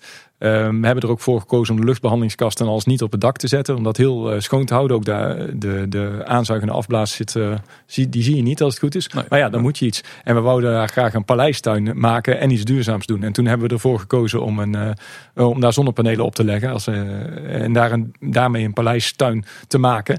Dus ook de eerste tekeningen die van de installateur kwamen, die waren heel efficiënt. Heel de dak gewoon helemaal volgelegd. en toen zei onze ontwerper, ja maar kan dit ook? En toen hadden we even een clash of cultures te pakken tussen de ontwerper en de zonnepaneelontwerper. Maar uiteindelijk zijn we daar eh, heel goed uitgekomen. En daar komt het wel mooi samen, want je hebt dan en het thema en eh, je hebt jullie technische kennis die daar uh, bij elkaar gebracht worden eigenlijk. Ja. zeker. En Symbolica is een energie-efficiënt pand, helemaal met ledverlichting. De voertuigen laden s'nachts op en overdag draaien we regelmatig nul op de meter bij Symbolica. Oh, oh netjes. Ja. Is het ook zo dat het, dat het bijna een uitgangspunt is dat als er een nieuw groot plat dak in de Efteling verschijnt, dat er dan zonnepanelen opkomen? Ja, groot plat dak uh, misschien nog wel, maar uh, alle medium en kleine daken niet. Um, dus we krijgen ook vaak vragen van... hey, jullie hebben nou onderhoud gedaan bij uh, Pandadroom of Fabula en Piranha. waarom liggen daar nou geen zonnepanelen op? Omdat voor ons de, niet alle daken zijn geschikt. Hè? Je moet, een dak is uitgerekend op regen, sneeuw, belasting, wind en dan dat soort zaken. Als je daar al basis zonnepanelen op gaat leggen... dan heb je minder ruimte om andere zaken op te vangen. Dus niet alle daken zijn geschikt. Je moet er ook veilig onderhoud kunnen doen en je moet die stroom kwijt kunnen. Dus we eigenlijk het standpunt voor we zetten liever een aantal rijen meer op de parkeerplaats neer. Dat is qua opbrengst en management en onderhoud veel makkelijker en efficiënter te doen dan al die dakjes in het park vol te leggen. Los ervan dat het ook niet altijd mooi eh, past eh, in de stijl. Dus eh, we hebben er straks 24.000 op de parkeerplaats liggen. Er zijn er vrij veel, ja. ja. Hoe, hoe, gaat dat proces dan? Hè? Want we hebben natuurlijk de eerste zonnepanelen hier gezien op de daken van een aantal attracties en horecapunten. Ja. Uh, op een gegeven moment kwam daar P2 bij, het parkeerterrein. Daarna als een duveltje uit een doosje de, de zonneweide nog verder richting het, het westen in de wereld van de Efteling. Ja. Ehm, hoe, hoe loopt dat? Wie, ma wie maakt dat zegt van nou, weet je wat, we gaan een, een zonneveld aanleggen? Nou, dat hebben wij eh, met elkaar in, eh, in de, duurzaamheidsgroep eh, besproken. We hebben die, die stappen op de, op de roadmap gezet tot 2030. Um, en daar komen ze uit. Dus, um, en er kwamen een aantal dingen bij elkaar. Waardoor je zegt, ja, zo'n project dat kunnen we daar goed gaan draaien. En dan gaan we dat doen. En, en wat maakt dan dat jullie er bijvoorbeeld voor kiezen om, om maar op een deel van, van P2 zonnepanelen aan te brengen, maar dan wel een heel eind verderop in waar je ook nog zonnepanelen te leggen? Waarom leg je die dan niet bijvoorbeeld hier op het hoofdparkeerterrein of op de rest van P2? Nou, er zijn daar verschillende overwegingen die meespelen. Als je op een parkeerterrein doet, heb je ook grote statieven nodig met grote fundering. Komt veel uh, staal bij kijken. Dus uh, dat is een flinke investering. Um, dus dat is uh, niet altijd even goed. op het veld waar we nu gaan leggen, hebben we in ieder geval de komende jaren geen ambities om daar attractiegrond van te maken. Um, daar kunnen we dus ook laag bij de grond werken en kunnen we voor een oost-west opstelling kiezen. En bij de zonnepanelen op P2 die liggen zuid, dus die leveren een hele hoge smalle piek op. Um, de verwachting is straks dat de eh, de zonneweide in West, dat die uh, wat geleidelijkere piek op gaat leveren, wat wat beter past uh, bij ons verbruik.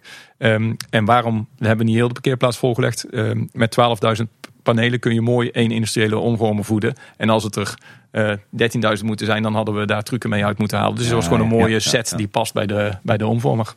Ik kan me voorstellen dat er enorm veel energie vanaf kan komen. Het was een 3 megawatt installatie, zei volgens mij. Dus dat is dan de piekopwek. Het piek nee, de piekenvermogen ligt iets hoger. Dus daarom, ik praat een reëel vermogen. Oké, okay.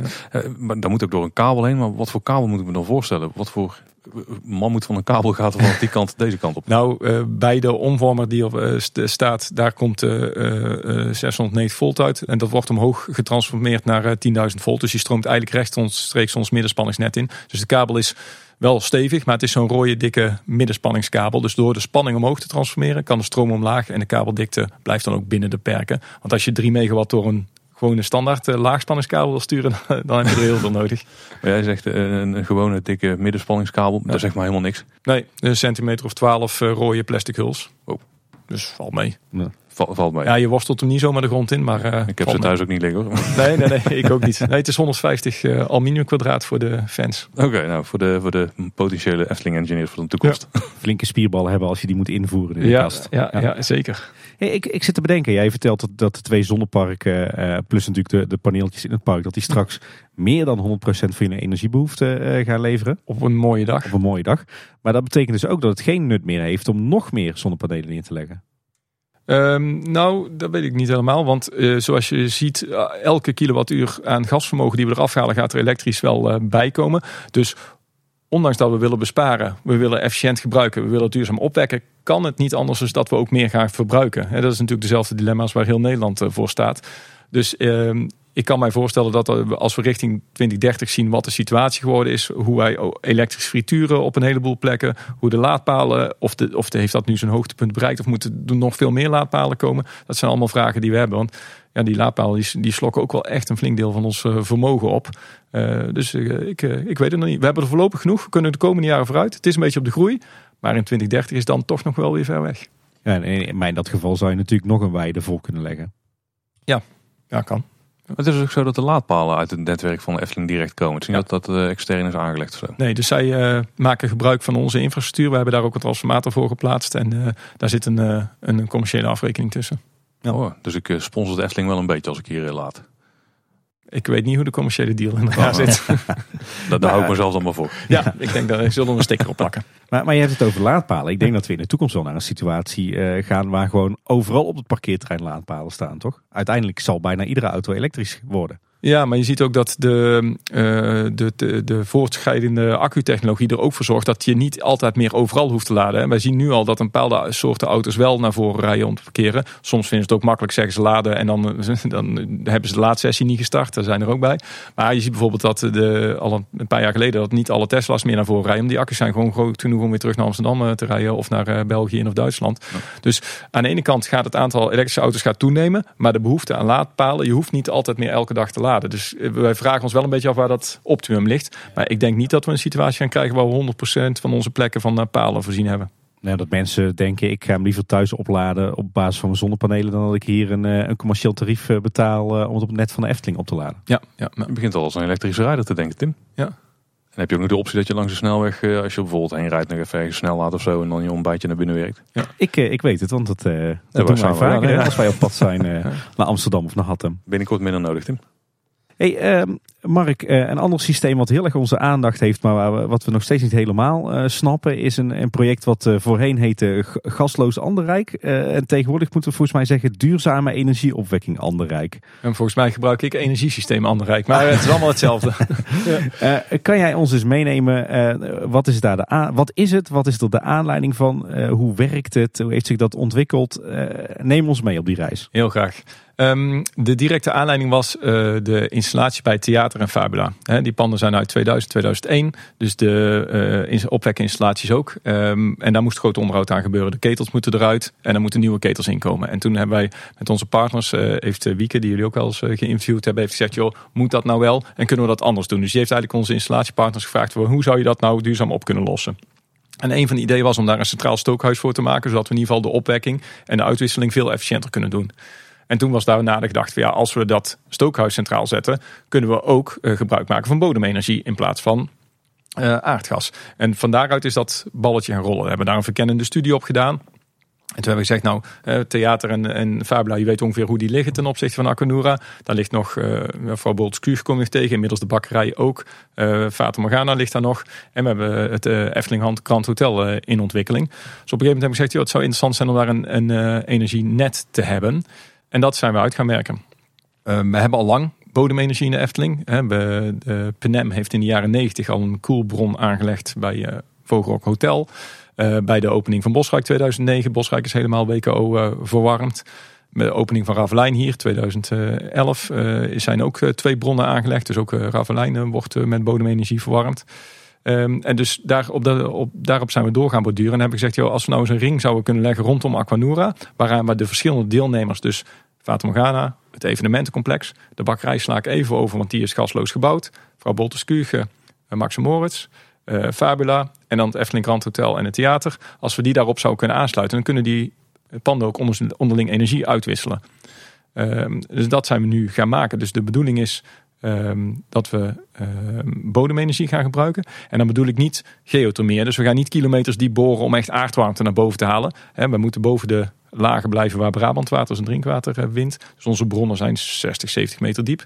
Daar pompen we grondwater op. Dat heeft een bepaalde temperatuur. Daar kunnen we, zeg een graad of 8 tot 10. Daar kunnen we gebruiken om de gebouwen te koelen. Als je een gebouw koelt, haal je de warmte uit. Dat water warmt op, stoppen we terug de grond in. Dat wordt dan een graad of 17, 18 dat stoppen we de grond in. Dat laten we een half jaar zo lopen. Dus dan wordt één bron wordt wat warmer. Uh, water onder de grond.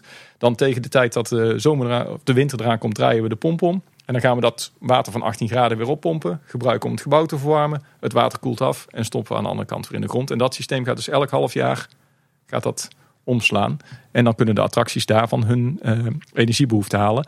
En 18 graden is niet genoeg om een gebouw te verwarmen. Dus daar zit nog een flinke warmtepomp aan. Die dus uh, niet zoals de warmtepomp die je misschien thuis hebt, waar een grote ventilator in zit die, die de warmte uit de lucht haalt. Wij gebruiken dus een warmtepomp die niet zo'n ventilator heeft, maar grondwater gebruikt. En dan gaat hij op basis van de grondwater gaat hij hogere temperaturen maken om die uh, gebouwen te verwarmen. Dus uh, zo gaat dat systeem werken. Dus er zijn nu in totaal zes bronnen geboord. Die heb je misschien ook wel zien liggen hier en daar in het park. Die hebben we allemaal op de voet gevolgd. Ja, ja, ja, ja. het zijn drie warme en drie koude bronnen die dus op die ringleiding aangesloten zijn. Er is dus een koude ring en een warme ring. Ehm, en daar zitten de warmtepompen op aangesloten die Fata Morgana, het theater, uh, Fabula, Fabolskuge voeden uh, met warmte en koude. Efteling Grand Hotel hebben we al rekening mee gehouden. Daar komt de installatie staat daar in de kelder. En we hebben zelfs een uitloper naar uh, Dans Macabre toe, omdat die attractie een netto warmteleverancier gaat zijn. Dat is natuurlijk heel gunstig voor ons net. Netto warmteleverancier, die moet je even uitleggen denk ik. Uh, de installaties die bij Dans Macabre gepland zijn, die hebben we al helemaal gesimuleerd en berekend. En daar is een bepaald koelvermogen nodig om die koud te houden. Uh, en de, in plaats van daar luchtkoeling toe te passen, gaan we dus die koelsystemen aansluiten op ons warmtesysteem. Daar moet wel heel veel geklets en uh, vergaderingen doorheen voordat een attractiebouwer, een installateur en een grondbouwer dat op elkaar aangesloten krijgen. Maar wij gaan de restwarmte van Das Macabre gebruiken om ons energienet te voeden. Dus het kan zijn dat in een, zeg, uh, in een wintersituatie uh, Dans Macabre zichzelf warm houdt en de rest van de energie het net instopt en die dat die bij Fabula of bij Fata Morgana uit, de, uit het net komt. Oh, Wauw. Eigenlijk wordt Dans Macabre een soort uh, uh, mini-amercentrale. Uh, mini wel, ja. En het, het is, je ziet bij de Python een grote luchtkoeler naast de liftmotor staan. Hè, de Villa Volta ook. En dat is eigenlijk zonde, want die energie fakkel je allemaal af de lucht in. En die, daar zijn we ons nu wel veel bewust van geworden om die energie terug de systemen in te krijgen. Als je kijkt naar die, die warmte-koude opslag, is denk ik wel een uitdaging dat je de bronnen in balans houdt. Hè? Dus dat het niet zo is dat, dat uiteindelijk eh, die warmtebronnen uitgeput raken of juist die koeltebronnen veel te warm worden. Ja, ja, dat mag niet. Je mag het grondwater niet te veel van niveau veranderen. Zeker niet naast de Natura 2000 gebied. En je mag de temperaturen uh, moet op jaar, over het jaar genomen nul zijn. Dus daar uh, werken we met een beheerspartner die dat voor ons doet. Um, en we hebben mogelijkheden om extra warmte of extra koude toe te voegen in het systeem. Zeker ook omdat we vanuit het theater een koppeling gemaakt hebben met Aquanura. Waardoor we eventueel, uh, als we te veel warmte zouden hebben, zouden die in de winter kunnen gebruiken om Aquanura ijsvrij te houden. Um, omgekeerd, als we uh, koude tekort zouden komen, dan kunnen we in de zomer warmte uit Aquanura trekken, waardoor het water afkoelt. En dat is weer wat beter voor de algengroei en andere zaken. Dus we hebben eigenlijk met Ehm, het onderzoekstraject dat we samen met de TU hebben gelopen uh, en een overheidsinitiatief hebben we Aquanura ingezet als een soort groot thermische buffer, aquathermie. En dus je gebruikt dan eigenlijk het, de, de vijver, de Aquanura vijver, ook als, als het ware als grondwater?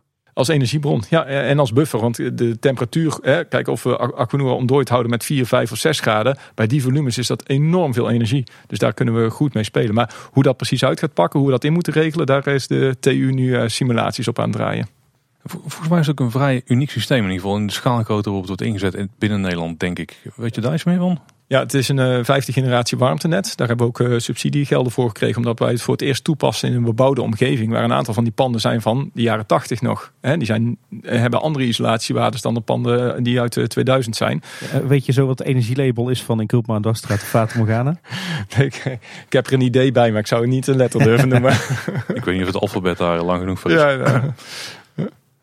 Maar ehm, daar, eh, daar kijken dus diverse onderzoekspartijen mee. En daar krijgen we ook eh, subsidie op om dat op die manier eh, uit te zoeken. En daar vertellen we daar ook graag over tegen de tijd dat het live gaat.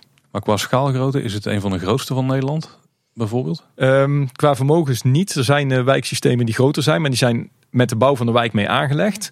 Er zijn ook systemen die in wijken zijn waar wij in ieder geval binnen ons eh, commissieclubje over praten. Die zijn eh, qua vermogens kleiner, maar dan wel in bestaande wijken ingelegd. Dus eh, zo industrieel als het hier gebeurt is, is voor dit uniek. En zeker in deze toepassingsmethode. En nu hebben we ook gezien dat er twee, eh, laten we maar, bunkers eh, bijna gebouwd zijn. Dan Eh, heb je nog eentje gemist. Oh ja, er staat ook nog eentje bij Fabula, volgens mij. heel goed, heel goed, drie dus. Ja. Eh, Die, daar zijn dan de, de plekken waar, die, waar steeds individueel twee van de putten op zijn aangesloten. of zo? Klopt. Ja. En het transportnet. En daar staan ook de warmtepompen in en de buffervaten. En wij noemen die bunkers de energiecentrales. En die, van daaruit gaat dus het warme en het gekoelde water naar de gebouwen toe. Omdat we inpandig niet genoeg plek hadden om dat allemaal inpandig eh, te maken. Waar het bij Dans Macabre en het Efteling Grand Hotel wel inpandig al ontworpen is. Er zijn flinke installaties dan. Of zijn de Ja. gebouwen misschien een beetje op de groei gebouwd? Nee, dat gaat allemaal net. Dat is Oeh, allemaal echt? in 3D op de vierkante centimeter eh geëngineerd. Dus Oh, daar, wow. daar, kan, daar kun je net lopen. Nou ja, als iedereen die een rondje Efteling loopt, dan zie je er twee staan op dit Ja, moment. eentje achter het theater en eh, eentje achter Fabula. Maar moet je buiten langs de Efteling lopen. En die staat in het back of the house gebied. En eentje achter Fabula. En we hebben die eh, gebouwen zo gemaakt dat we daar goed grond tegenaan kunnen brengen. En met groen kunnen inkleden. Want eh, ja, echt mooi zijn ze niet. Maar ze zijn wel eh, super functioneel. En ze zijn geschilderd in Go Away Green. ja, RAL 6006. Ja. Kijk, hey, dat is een mooie voor de luisteraars. Kun je thuis ook doen met de schuur. Eigenlijk wel een grappige ontwikkeling. Hè? Want toen begin jaren, of in het begin van de 20e eeuw de eerste centrale verwarmingen verschenen, had je enorme ketelhuizen en kelders vol met techniek. Ja. Nou, dat werd allemaal steeds kleiner teruggebracht tot een klein cv-keteltje voor een, een, een groot gebouw. Klopt. Maar nu gaan we dus toe naar een techniek waarbij we eigenlijk wel enorme ketelhuizen nodig hebben. Ja, dus er zit gelukkig wel hele andere techniek in. Maar het is inderdaad centraal eh, opgesteld. Ja. En weet je zo dat je met een warmtepomp eventueel ook kunt koelen? Want het weet een warmtepomp, maar het werkt ook de andere kant op. Zeker. Eh, dan heb je in principe gewoon het Ja. koelkastconcept. Eh, is het ook zo dat het nodig is om de gebouw met die warmtepomp nog extra te koelen in de zomer? Of, eh, Bijna niet. Eh, eh, omdat het grondwatertemperatuur naar verwachting laag genoeg is, kun je bijna met open waterkoeling werken. Mocht het echt heel erg zijn, dan kunnen we de warmtepomp nog inzetten. Maar dat doe je natuurlijk liever niet. Dus, maar het kan wel. is bijna jammer. Dan heb je echt een overvloed aan energie. En dan kun je er eigenlijk op dat moment, heb je het niet eens per se nodig. Nou, je kunt het, die energie direct inzetten, omdat de koud water koud genoeg is om te koelen. Maar het warme Ja. water uit de bronnen niet warm genoeg is om te verwarmen. Daar zitten de warmtepompen voor. Dit, dit verhaal klinkt nou eh, denk ik redelijk theoretisch voor veel mensen. Maar dit is ook al een project met een enorme eh, ruimtelijke impact. Want jullie zijn nou al best wel een lange tijd bezig met dit project. Er zijn allerlei sleuven gegraven, leidingen de grond in eh, gegaan. Ketelhuizen gebouwd, of energiecentrales eigenlijk. Dit is stiekem best wel een, een fors project. En ehm, het is wat forser geworden, omdat we ook wisten dat we aan oude infrastructuur tegen zouden komen. En we ook vanuit de, eh, de, de beheersafdeling en directie de opdracht hadden gekregen om diverse oude infrastructuur mee op te, eh, op te ruimen, in tracé te leggen en een aantal verzakte rioleringssystemen. we hebben een gescheiden riolering en gescheiden hemelwaterafvoer eh, hier binnen de Efteling, om die eh, mee eh, op te, eh, eh, weer modern te maken. Dus daarom heeft de impact wat eh, meer geduurd. En sowieso in een bestaande omgeving gaan boren en graven is natuurlijk no- nooit leuk. En zeker niet in een Efteling waar je liever niet op allerlei plekken allerlei technische ruimtes wilt hebben. Oh, We hebben zoveel plattegronden en tekeningen gemaakt om de gasten om te leiden en te zorgen dat de hulpdiensten en de personeel overal konden komen. Kan je ons een indruk geven van, van dit project in tijd en geld? In tijd ehm, hebben we natuurlijk een, eh, een flinke vertraging opgelopen bij corona. Dus daar is moeilijk te zeggen. Ehm, de, uiteindelijk hoe de projectinvestering loopt met alle eh opknappen van de infra erbij en de subsidie die we gekregen hebben, durf ik dat eh, zo niet te zeggen. Maar het zal wel miljoenen zijn. En, en als je kijkt in, in uitvoering, hè, want ik snap dat de voorbereiding van dit project waarschijnlijk enorm lang is. Maar als je kijkt vanaf de, de eerste schop in de grond tot het moment van oplevering, over wat voor periode hebben we het Een dan? ruim jaar. Ruim jaar, ja. Zo. Ja, en heel veel voor open moeten trekken. Heel veel. Laatste, laatste stukjes nog en dan eh, zijn we ondergronds klaar. Kijk. Hey, um, nu zijn we met z'n drieën echt wel uh, de, de, meer technisch ingestelde mensen, denk ik. Dus al die techniek en zo vinden we schitterend. Nou is er natuurlijk nog een andere manier om uh, het energieverbruik uh, in toon te houden. En dat is bijvoorbeeld meer isoleren van die ja. gebouwen. Is ook iets wat we in de toekomst kunnen verwachten bij bestaande gebouwen, dat daar naar gekeken gaat worden? Ja, ja, ja dus ook bij dakvervanging kijken we naar isolatiewaarden. Um, en we kijken ook als we interieurs gaan vervangen, bijvoorbeeld van een winkel naar een bepaald tijdens interieur op, dan kijken we gelijk of dat de, de gevels nog goed zijn. Um, uh, wat er aan vloer en fundering aan isolatie in ligt, dat is altijd moeilijk uh, te fixen. Dus uh, we hebben daar wel al wat uitdagingen in bij alle jaren 60, 70, 80 gebouwen. die vaak nog half steeds enkel glas zijn. Maar al het moderne spul, dat zit er goed in. Um, en ook als we dakvervangingen doen, ja, dan, dan pakken we dat gelijk mee. Is het denkbaar dat er zelfs bij een groot attractiebouw gebeurt of is dat bijna onmogelijk? Oh, het zou wel gunstig zijn als je bij Carnaval Festival wat isolatieschuim tegen de buitenkant zou kunnen spuiten. Maar uh, ja, daar, zover zijn we nog niet gegaan. Is dit het energiesysteem wat jullie nu op hebben gezet in Anderrijk? Of dat nog, volgens mij nog niet helemaal klaar is? Hè? Dat, nee, nee, nee, de laatste stukken moeten nog de grond in. Uh, is dit nou een groeimodel? Zou, zou, je dit systeem nou ook op de rest van de Efteling kunnen toepassen? Zeker. We hebben een roadmap gemaakt dat we uh, drie van dit soort uh, ringen krijgen. om een aantal grote gebouwen op aan te sluiten. en dan blijven er een aantal kleinere gebouwen en gebouwtjes over. Die we dan gewoon met meer conventionele duurzame technieken gaan verwarmen en koelen. welke ringen gaan er dan nog komen? Uh, wij kijken natuurlijk naar de uitbreidingen richting de Horst. Willen we daar rekening mee houden. En daar zit Vogelrok Carnaval Festival, het hotel in de buurt. Um, en we zijn hier um, um, nog aan het onderzoeken of dat we de weken, bestaande weken over een Ravelijn zouden kunnen uitbreiden richting uh, Droomvlucht en Villa Volta. En daarbij is zeker denk ik als je in het, in het Maanrijk aan de slag gaat, is het, het, het thematiseren, het wegthematiseren van bronnen en, en, en energiecentrales ja. natuurlijk ook wel een uitdaging. Ja, ja, maar daar zijn eigenlijk best wel goede ideeën voor. Ja. We gaan het er weer in de gaten houden natuurlijk. Hè? Uiteraard. Helemaal aan het begin van dit blokje Tim, toen haalde jij twee termen aan. En eentje was klimaatneutraal. Nou, volgens mij kunnen we daar ons wel iets bij voorstellen. Dan, dan probeer je gewoon eigenlijk geen energie meer af te nemen die niet uh, groen is. Uh, maar hoe zit het dan met klimaatpositief? Hoe krijg je dat voor elkaar? Ja, dat is een mooie term. Hè? Ja. daar zijn we natuurlijk eh, ook mee aan de gang gegaan. Daar zijn we zelfs nog mee bezig. Um, we, we, kunnen op het gebied van, um, uh, van afvalstromen kunnen we ook zorgen dat we uh, in plaats van downcyclen of recyclen gaan upcyclen. Daar, nou, ook al is dat niet direct binnen het park beschikbaar, dat we daar ook onze omgeving mee helpen met meststoffen of andere zaken. We kijken daarbij ook vooral naar biodiversiteit.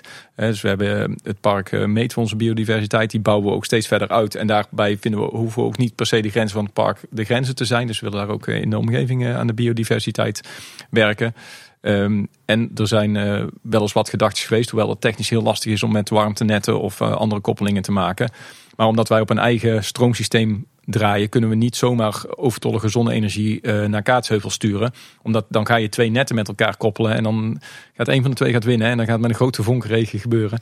Dus daar, uh, dat is wel lastig, maar daar proberen we ook op energiegebied wel uh, naar te kijken. Dus mochten wij in de toekomst heel veel warmte-energie over hebben, dan, zullen, dan zijn er absoluut gesprekken met de gemeente om daar iets te kunnen doen. Upcyclen? Ja. Hoe, wat moet ik me daarbij voorstellen? Is dat je van een, uh, het upcyclen is dat je van een reststroom uh, niet probeert om alleen verantwoord te verwerken, maar om er ook nog iets beters uh, van te maken. Dat is een, een beetje een buswoord, maar als, als we daar een goede toepassing van zouden kunnen vinden, ehm, dan, dan zouden we daar zeker voor openstaan. Eigenlijk is het verkopen van, van blokjes hout van de Pegasus ook een soort upcycling, toch? Ja, ja, zeker. Ze zijn veel meer waard geworden dan het hout aan zich is. En ze duurzaam is ook als ze iets lang meegaat. Hey, de bouten van de Python. Nog een voorbeeld. Ja, ja zit wel in een bepaald hoekje, Tim. en, nog even een laatste vraag over duurzaamheid. We hebben het nu natuurlijk vooral met jou gehad over de, de zonne-energie uh, en bodemwarmte. Laat ik het zo maar even klassificeren. Wat zijn nog andere uh, initiatieven op het gebied van duurzaamheid die de afgelopen jaren zijn gerealiseerd of waar jullie nu misschien mee bezig zijn? Uh, we zijn heel erg naar onze disposables uh, aan het kijken natuurlijk in het park. Ook omdat daar uh, centrale regelgeving aankomt. we hebben al een flinke hap genomen uit ons aardgasverbruik door optimalisatie van instellingen. Ehm, en een flinke hap uit ons dieselverbruik. Omdat we andere voertuigen gekocht hebben. Maar ook bijvoorbeeld de winter Efteling tent niet meer in die vorm terug hebben laten komen. Dus dat zijn echt allemaal wel voorbeelden van dingen die we gedaan hebben.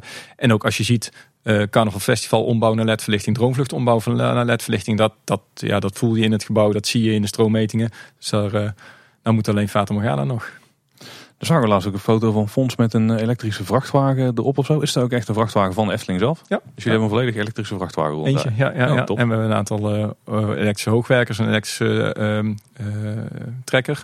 Ehm, niet allemaal even succesvol, maar daar proberen we wel. En dan met de leverancier ook het goede van te maken. En sowieso alle dienstvoertuigen hier zijn, zijn elektrisch. Eh, we, zit- we horen ook wel eens verhalen dat bepaalde beslissingen worden genomen omdat een, een gebouw in die vorm of, of een tent, eh, dat jullie daar niet meer voor kiezen omdat het voor eh, hoog energieverbruik zou, eh, zou zorgen. Is dat inderdaad een afweging die, die voortaan wordt meegenomen bij bijvoorbeeld het ontwikkelen van evenementen, het ontwikkelen van attracties? Zeer zeker, zeer zeker. Ja. En ook, eh, we willen daar ook niet meer allemaal altijd het hoogste comfort bieden. Dus we kijken ook van in welke seizoenen bezoekt de gast met welke kleding aan eh, de attracties. We hoeven niet Fata Morgana altijd naar 20 graden op te stoken. Als eh, gasten in de winter gewoon een, winterjas aan hebben en eh 7, 8 minuten die ze binnen zijn. Dus daar kijken we veel efficiënter naar. En hoe gaat dan zo'n afweging bij eh, de ijsbaan versus de warme winterweide? Want daar hebben jullie gezegd van nou, een, eh, die ijsbaan die vreet natuurlijk stroom, want die ijsbaan moet gekoeld worden en die tent eh, verhit. In plaats daarvan hebben we nu de warme winterweide, waar iedereen, bij wijze van spreken, loopt de kou kleumen op een wei. Wa- wat is de rol van bezoekerscomfort daar dan in, in die afweging? Ja, dat is heel belangrijk. We hebben wel doorgerekend hoeveel energie we daar gebruiken. En dan eh, stiekem, als je dat meet, dan schrik je daarvan. Want er wordt heel continu wel eh, veel energie verbruikt. Eh, wij kijken natuurlijk altijd naar bezoekerscomfort. Daarom zijn we nu ook met, eh, de, met de kampvuren bezig geweest. Met de zitjes daar. We zorgen voor overdekte restaurantcapaciteit. De bakkerij is erbij gekomen. We hebben natuurlijk een flinke capaciteitsuitbreiding gehad bij Kasbah Panorama. Dus omdat als we zeggen, we willen niet de gasten in de kou zetten door die tent weg te halen en zoek het maar uit. Wij zoeken dan wel op plekken in het park dat we minimaal equivalent uitkomen aan, aan de beschutte plekken. En we lazen laatst ook dat jullie eh, bezig zijn met het zoeken voor een alternatief voor de, de kampvuren. Heel begrijpelijk natuurlijk Ja. in verband met stikstofuitstoot. Eh, is dat dan ook een, eh, een, een ontwikkelopgave die bij jullie ligt? Ja, dat is zeker een ontwikkelopgave die bij ons ligt. Misschien niet helemaal projecteerbaar op de Efteling, maar toch even checken. Ik weet dat er systemen zijn waarbij als het stroomnet uitvalt, maar je hebt bijvoorbeeld zonnepanelen en, eh, en een batterij of zo, dat je dan nog wel je huis kunt draaien op die energie die je hebt en die je op dat moment opwekt. Zou je voor de Efteling kunnen? Want eh, recent zijn er wat stroomuitvalmomenten geweest. We hebben er thuis ook last van gehad in. Zou dat kunnen bij de Efteling? Of? Nee, op dit moment niet. De, zo- de zonnepanelen en de andere systemen die wij hebben, die hebben altijd een stroomnet nodig om aan te synchroniseren. Dus wij kunnen niet eh, in noodvoeding op onze eh, zonnepanelen draaien. En de attracties die een noodvoeding nodig hebben, juist om te kunnen ontruimen, die hebben een eigen eh noodstroomvoorziening. Stel, er komt een heel groot batterijpark bij de Efteling. Zou het dan in theorie kunnen? Dan zou het in theorie kunnen. Waar je dan op moet letten is dat je als de stroomtoevoer wegvalt, dan moet je die kabels eerst afschakelen voordat je je eigen stroomtoevoer inschakelt. Want anders gaan wij eh, heel Nederland terugvoeden. Dus daar zitten wel wat eh, regelsystemen dan aan te Inderdaad, ja. ja, ja. Kunnen jullie vast fixen? vast wel. Hey, we zijn al eh, richting het eind van de aflevering weer. Ehm, veel mogen bespreken over eh, de, de werkzaamheden die jij verricht, Mark. Maar we hebben ook nogal een standaard setje uitsmijters die we jou eh, willen voorleggen.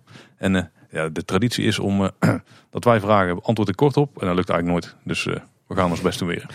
Voel je je vrij om uit te wijden. Hey, als we even kijken naar jouw totale carrière binnen de Efteling vanaf het Witte Paard tot nu. wa- Wat was voor jou dan het hoogtepunt van je carrière tot nu toe? Ehm, ik denk de oplevering van Symbolica. Het, het engineeren en opleveren van Symbolica. Omdat dat een, een huzaren stukje was dan. Ja, eh, de eerste generatie weer van, of de eerste Dark Ride weer van onze generatie. Eh, zo groot, zoveel en eh, zo goed en mooi eh, bij elkaar gekomen. Dat was echt wel een bizarre stukje. Ja. Was het daarbij trouwens van tevoren al bekend dat het, eh, de limieten van de, het PLC-systeem wat jullie gebruiken in zicht kwamen? Of, eh, Nee, nee, nee, daar kwam op een hele spannende zondagmiddag naar voren een paar weken voor opening. Dus daar hebben we nog wel eh, wat uurtjes over gezweet en eh, frietjes met gehaald om door te werken. Klinkt als zo'n typische Efteling moment. Ik kan Ja. me ook nog wel wat van dat soort momenten herinneren. Ja. Ja. Hey, eh, daarover gesproken heb je daarnaast ook wat mooie herinneringen aan, eh, aan de jaren bij de Efteling tot nu toe. Jouw 20 jaar alweer, zit ik net te bedenken. Ja, klopt. Ja, superveel. Klein en groot. Eh, collega's, projecten, leveranciers, eh, van alles. Dus ehm, eh, ja, te, te veel op, om op te noemen. Heel veel eh, memorabele momenten. En misschien wat leuke, grappige anekdotes die, je- die je kan herinneren dan? Ja, die zijn er altijd wel natuurlijk. Want het, het werk moet ook vooral leuk zijn met elkaar. Ik weet nog dat we bij de bedrijfsstand een Vliegende Hollander, was je daarbij, Tim? Net weg, ja. Net weg, denk Ja. ik, ja. Toen waren we de regengordijnen aan het afregelen. En uh, toen zouden we ook beoordelen of de gast onderin de drop niet nat zou worden. Dus we hadden een boot onderin de drop gezet en een, uh, een collega erin uh, met een regenpak. En die zou dan zeggen met via de porto, ik, ik word nog steeds nat. En dan waren wij de sproeiers aan het afstellen. Maar ondertussen had de uitvoerder de brandslang gepakt en gewoon de brandslang op die vent gezet. en hij bleef maar water voelen en hij bleef maar water voelen. Maar uiteindelijk kwam, dat, kwam daar wel uit, maar toen de brandslang helemaal uitging. Dus dat zijn van die dingen. En, en wat ik me ook nog heel goed kan herinneren is um, toen we de Baron aan het maken waren. Toen waren we bij B&M in Zwitserland voor een design review van het hele systeem. En uh, ik heb ontzettend hoogtevrees. Ik, ik hou ook niet van hoge achtbanen. Um, dus toen zei ook die, die accountmanager van B&M, zei uh, wel uh, Mr. Jans, you look forward to riding the ride? no. Daar uh, moesten ze ook even op kouwen, want ze hadden nog nooit een team daar gehad wat er niet per se in wilde. Maar, maar ben je erin geweest? Ik ben er uiteindelijk in geweest uh, voor een uh, Duits uh, tv-programma. In totaal vier keer en daar is het ook bij gebleven. Oké, okay, misschien daarop aanhakend. we, we, hebben natuurlijk gevraagd om jouw hoogtepunt. Is er ook een dieptepunt in jouw carrière? Ja, uiteraard. ik heb in mijn, mijn eerste weken hier al een hele dure besturingssprint verbrand. Dat vond ik, daar had ik al heel, heel veel pijn van. achteraf bleek het allemaal mee te vallen. Maar als je dat in je eerste weken hier doet, dan, dan doet dat pijn. En um, de moment dat wij op maandagochtend bij de Vliegende Hollander aankwamen, de projectleider daar stond, om ons allemaal wegstuurde en zei: Jongens, ga maar een paar maanden wat anders doen. Ja, daar heb ik wel, ben ik wel een dag goed ziek van geweest. En niet zozeer omdat dat aan ons of aan mij lag, maar wel dat hè, je, je bent zo met zo'n drive bezig om zo'n project open te krijgen. En dan, je, je weet eigenlijk wel dat het niet lekker zit. En dan staat zo'n projectleider daar en die deur achter hem is dicht. En uh, ja, die stuurt je eigenlijk gewoon weg. Ja, dat was, dat was wel echt een dieptepunt. Ja, daar kunnen we elkaar de hand schudden. Want dat moment was ik eh, inderdaad ook bij. Ja. ja. Hoe belangrijke lessen geleerd in de tijd die je tot nu toe bij de Efteling hebt gezeten? Eh, superveel. Ik kwam net van school af en dan denk je, ik weet heel wat. Eh, en dat is net als mijn auto rijden. Daar leer je ook pas als je rijbewijs hebt. Dus ik heb, ik heb alles hier geleerd van techniek, van samenwerken, van projecten. Dus dat, ja, ik, ik heb heel veel, heel veel lessen geleerd. Misschien even een zijstap, dat, dat toch nog over. Zijn jullie ook heel erg hands-on? Ik bedoel, jij bent nu, nu uh, hoofd van de afdeling uh, technisch ontwerp, maar sta je ook nog wel eens met de schroevendraaier in de hand? Uh, mag niet meer. Ik ben ook geen vakbekwaam persoon meer. Uh, dat is maar beter ook. Maar uh, ik, ik heb altijd nog wel één of twee projectjes in mijn eigen portefeuille zitten om een soort meewerkend voorman te zijn. Zijn dat een beetje de krenten uit de pap dan toch wel een soort van? nou, hebben jullie de nieuwe Unesco outlets gezien? Dat is mijn project, hè? ja, ja, ja, ja, Dus daar zijn zeker de krenten uit de pap. Met je handen bezig zijn is toch wel mooi. ja. En daarover gesproken, waar ben je nou het, het meest trots op uit, uit jouw Efteling carrière? Ja, dat moet, natuurlijk zo'n hoogtepunt als Bron of uh, Symbolica zijn. Maar ook wat ik eigenlijk uh, als trotste moment heb, is gewoon de, de, de teams met zo'n inbedrijfstelling. Hè? Dus ook toen toen we een klein sprookje maakten met elkaar. De sprookjesboom eindelijk open ging op 1 april uh, 2010. ja, de, de opening van de Baron die opening van Symbolica heb ik niet helemaal meegekregen, want was ik binnen storing aan het oplossen. maar ja, dat, dat soort momenten dan, dan echt wel. Maar dan wel het, het team wat daar met elkaar staat. Zou je jezelf eigenlijk ook Efteling liefhebber willen noemen? Tot op zekere hoogte. Um, een gezonde Efteling liefhebber. Uh, dus uh, ja, ik, uh, ik, kom er graag. Ik vind het een hartstikke mooi product. Anders blijf je ook geen, geen 20 jaar hangen. Heb je dan wat dat betreft ook een mooiste plekje in het park? Nee, ik kom graag in het park. Ik vind het Sprookjesbos leuk om te zitten en te werken. Maar uh, mijn eh, kindjes zijn inmiddels zo dat ik gewoon met de rugzak midden in het ruigrijk ga zitten. En dat zij uh, om me heen vliegen. En als je dan daar op, de, op het terras zit en je ziet de Pieter, de Joris en Draak, vliegende Hollander om je heen gaan. Dan vind ik ook wel een mooi plekje om te zitten. En als ik ochtends wel eens naar uh, richting het Ruigrijk loop, zo aan de buitenkant van de, van de Gondoletta vijf langs, zo bij de traptreintjes voorbij. En je hebt dan mhm. zo mooi die zichtlijn op Symbolica, Pagode, de Baron in de verte. Dat vind ik ook wel een heel mooi stukje hoor. Oeh, dat is een mooie. ja. Die hebben we nog niet eerder gehoord, maar dat is inderdaad wel een hele, heel mooi uitzicht daar. Ja. ja. Heb je ook een favoriete attractie in het park? Um, ja, um, ik, ik ga altijd heel graag in Villa Volta. Dat hoe de, uh, de, gewoon de beleving, het verhaal, de muziek en alles bij elkaar komt, dat uh, vind ik echt heel mooi. Toen zit heftig ja te schudden. Ja, ja, ja. uh, uh, ik stelde jou net al de vraag, zou je, zie je jezelf als Efteling-liefhebber? Zie je jezelf ook als, als pretparkliefhebber of themaparkliefhebber? Met mate, met mate. Ik ben ook nog niet uh, overal geweest. Ik jaag ook niet alles na. Maar ik, ik heb proberen elke zomervakantie wel ergens een park mee te pakken. Um, en daar zijn de kindjes inmiddels ook aan gewend. Dus, heb je een favoriet park naast de Efteling? Ik denk Europa Park wel. Ja, daar komen, komen we veel en vaak ook uh, op heen en terug reizen. En hebben we ook goede zakelijke uitwisselingen mee. Dus dat, uh... Ook een favoriete andere attractie in een ander park?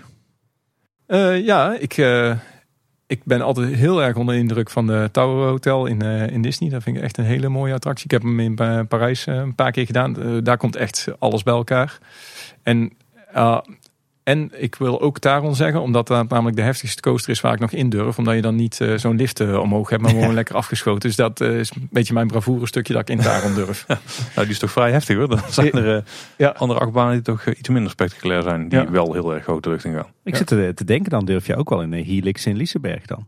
Ik zou het niet weten, ik ben nog nooit niet omhoog. Maar ik ben een Silverstar is voor mij een stap te ver. Dus ik ben vaak in Europa geweest, maar nog nooit in Silverstar.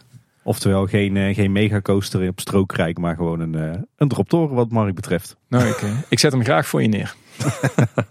daar kunnen we daar ook wel afspraken over maken, ja. Mark. Ja, dan zijn we er toch weer doorheen, Mark. Bedankt voor je tijd. Ja, graag gedaan. Vond het hartstikke leuk. En we hebben weer een hoop geleerd over de, de technische zaken in de Efteling en de duurzaamheid. Ja.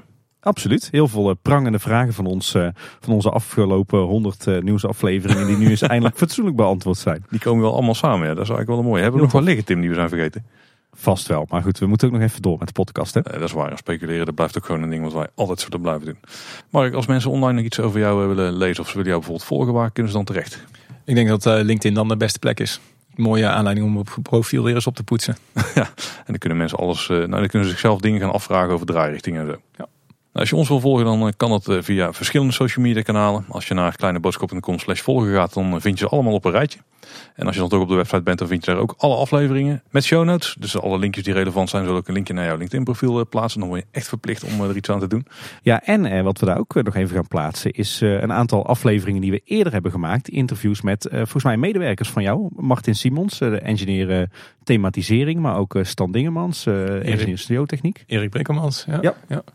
Op de website vind je trouwens ook nog ons contactformuliertje. Maar mailen kan ook gewoon info.kleineboodschap.com. Ja, en je luistert Kleine Boodschap eh, in je favoriete podcast-app of op Spotify. Zorg dat je je daar uh, abonneert. En uh, kan je nou een rating of een review achterlaten, dan vinden we dat ook hartstikke leuk. Maar heb je nou geen pod, podcast-app of Spotify, dan kan je ons ook nog gewoon ouderwets op de website luisteren. Dan mag ik nogmaals dank. Graag gedaan. En luisteraars, dat was weer voor deze week. Bedankt voor het luisteren. Tot de volgende keer. En houdoe. Houdoe waar. Houdoe.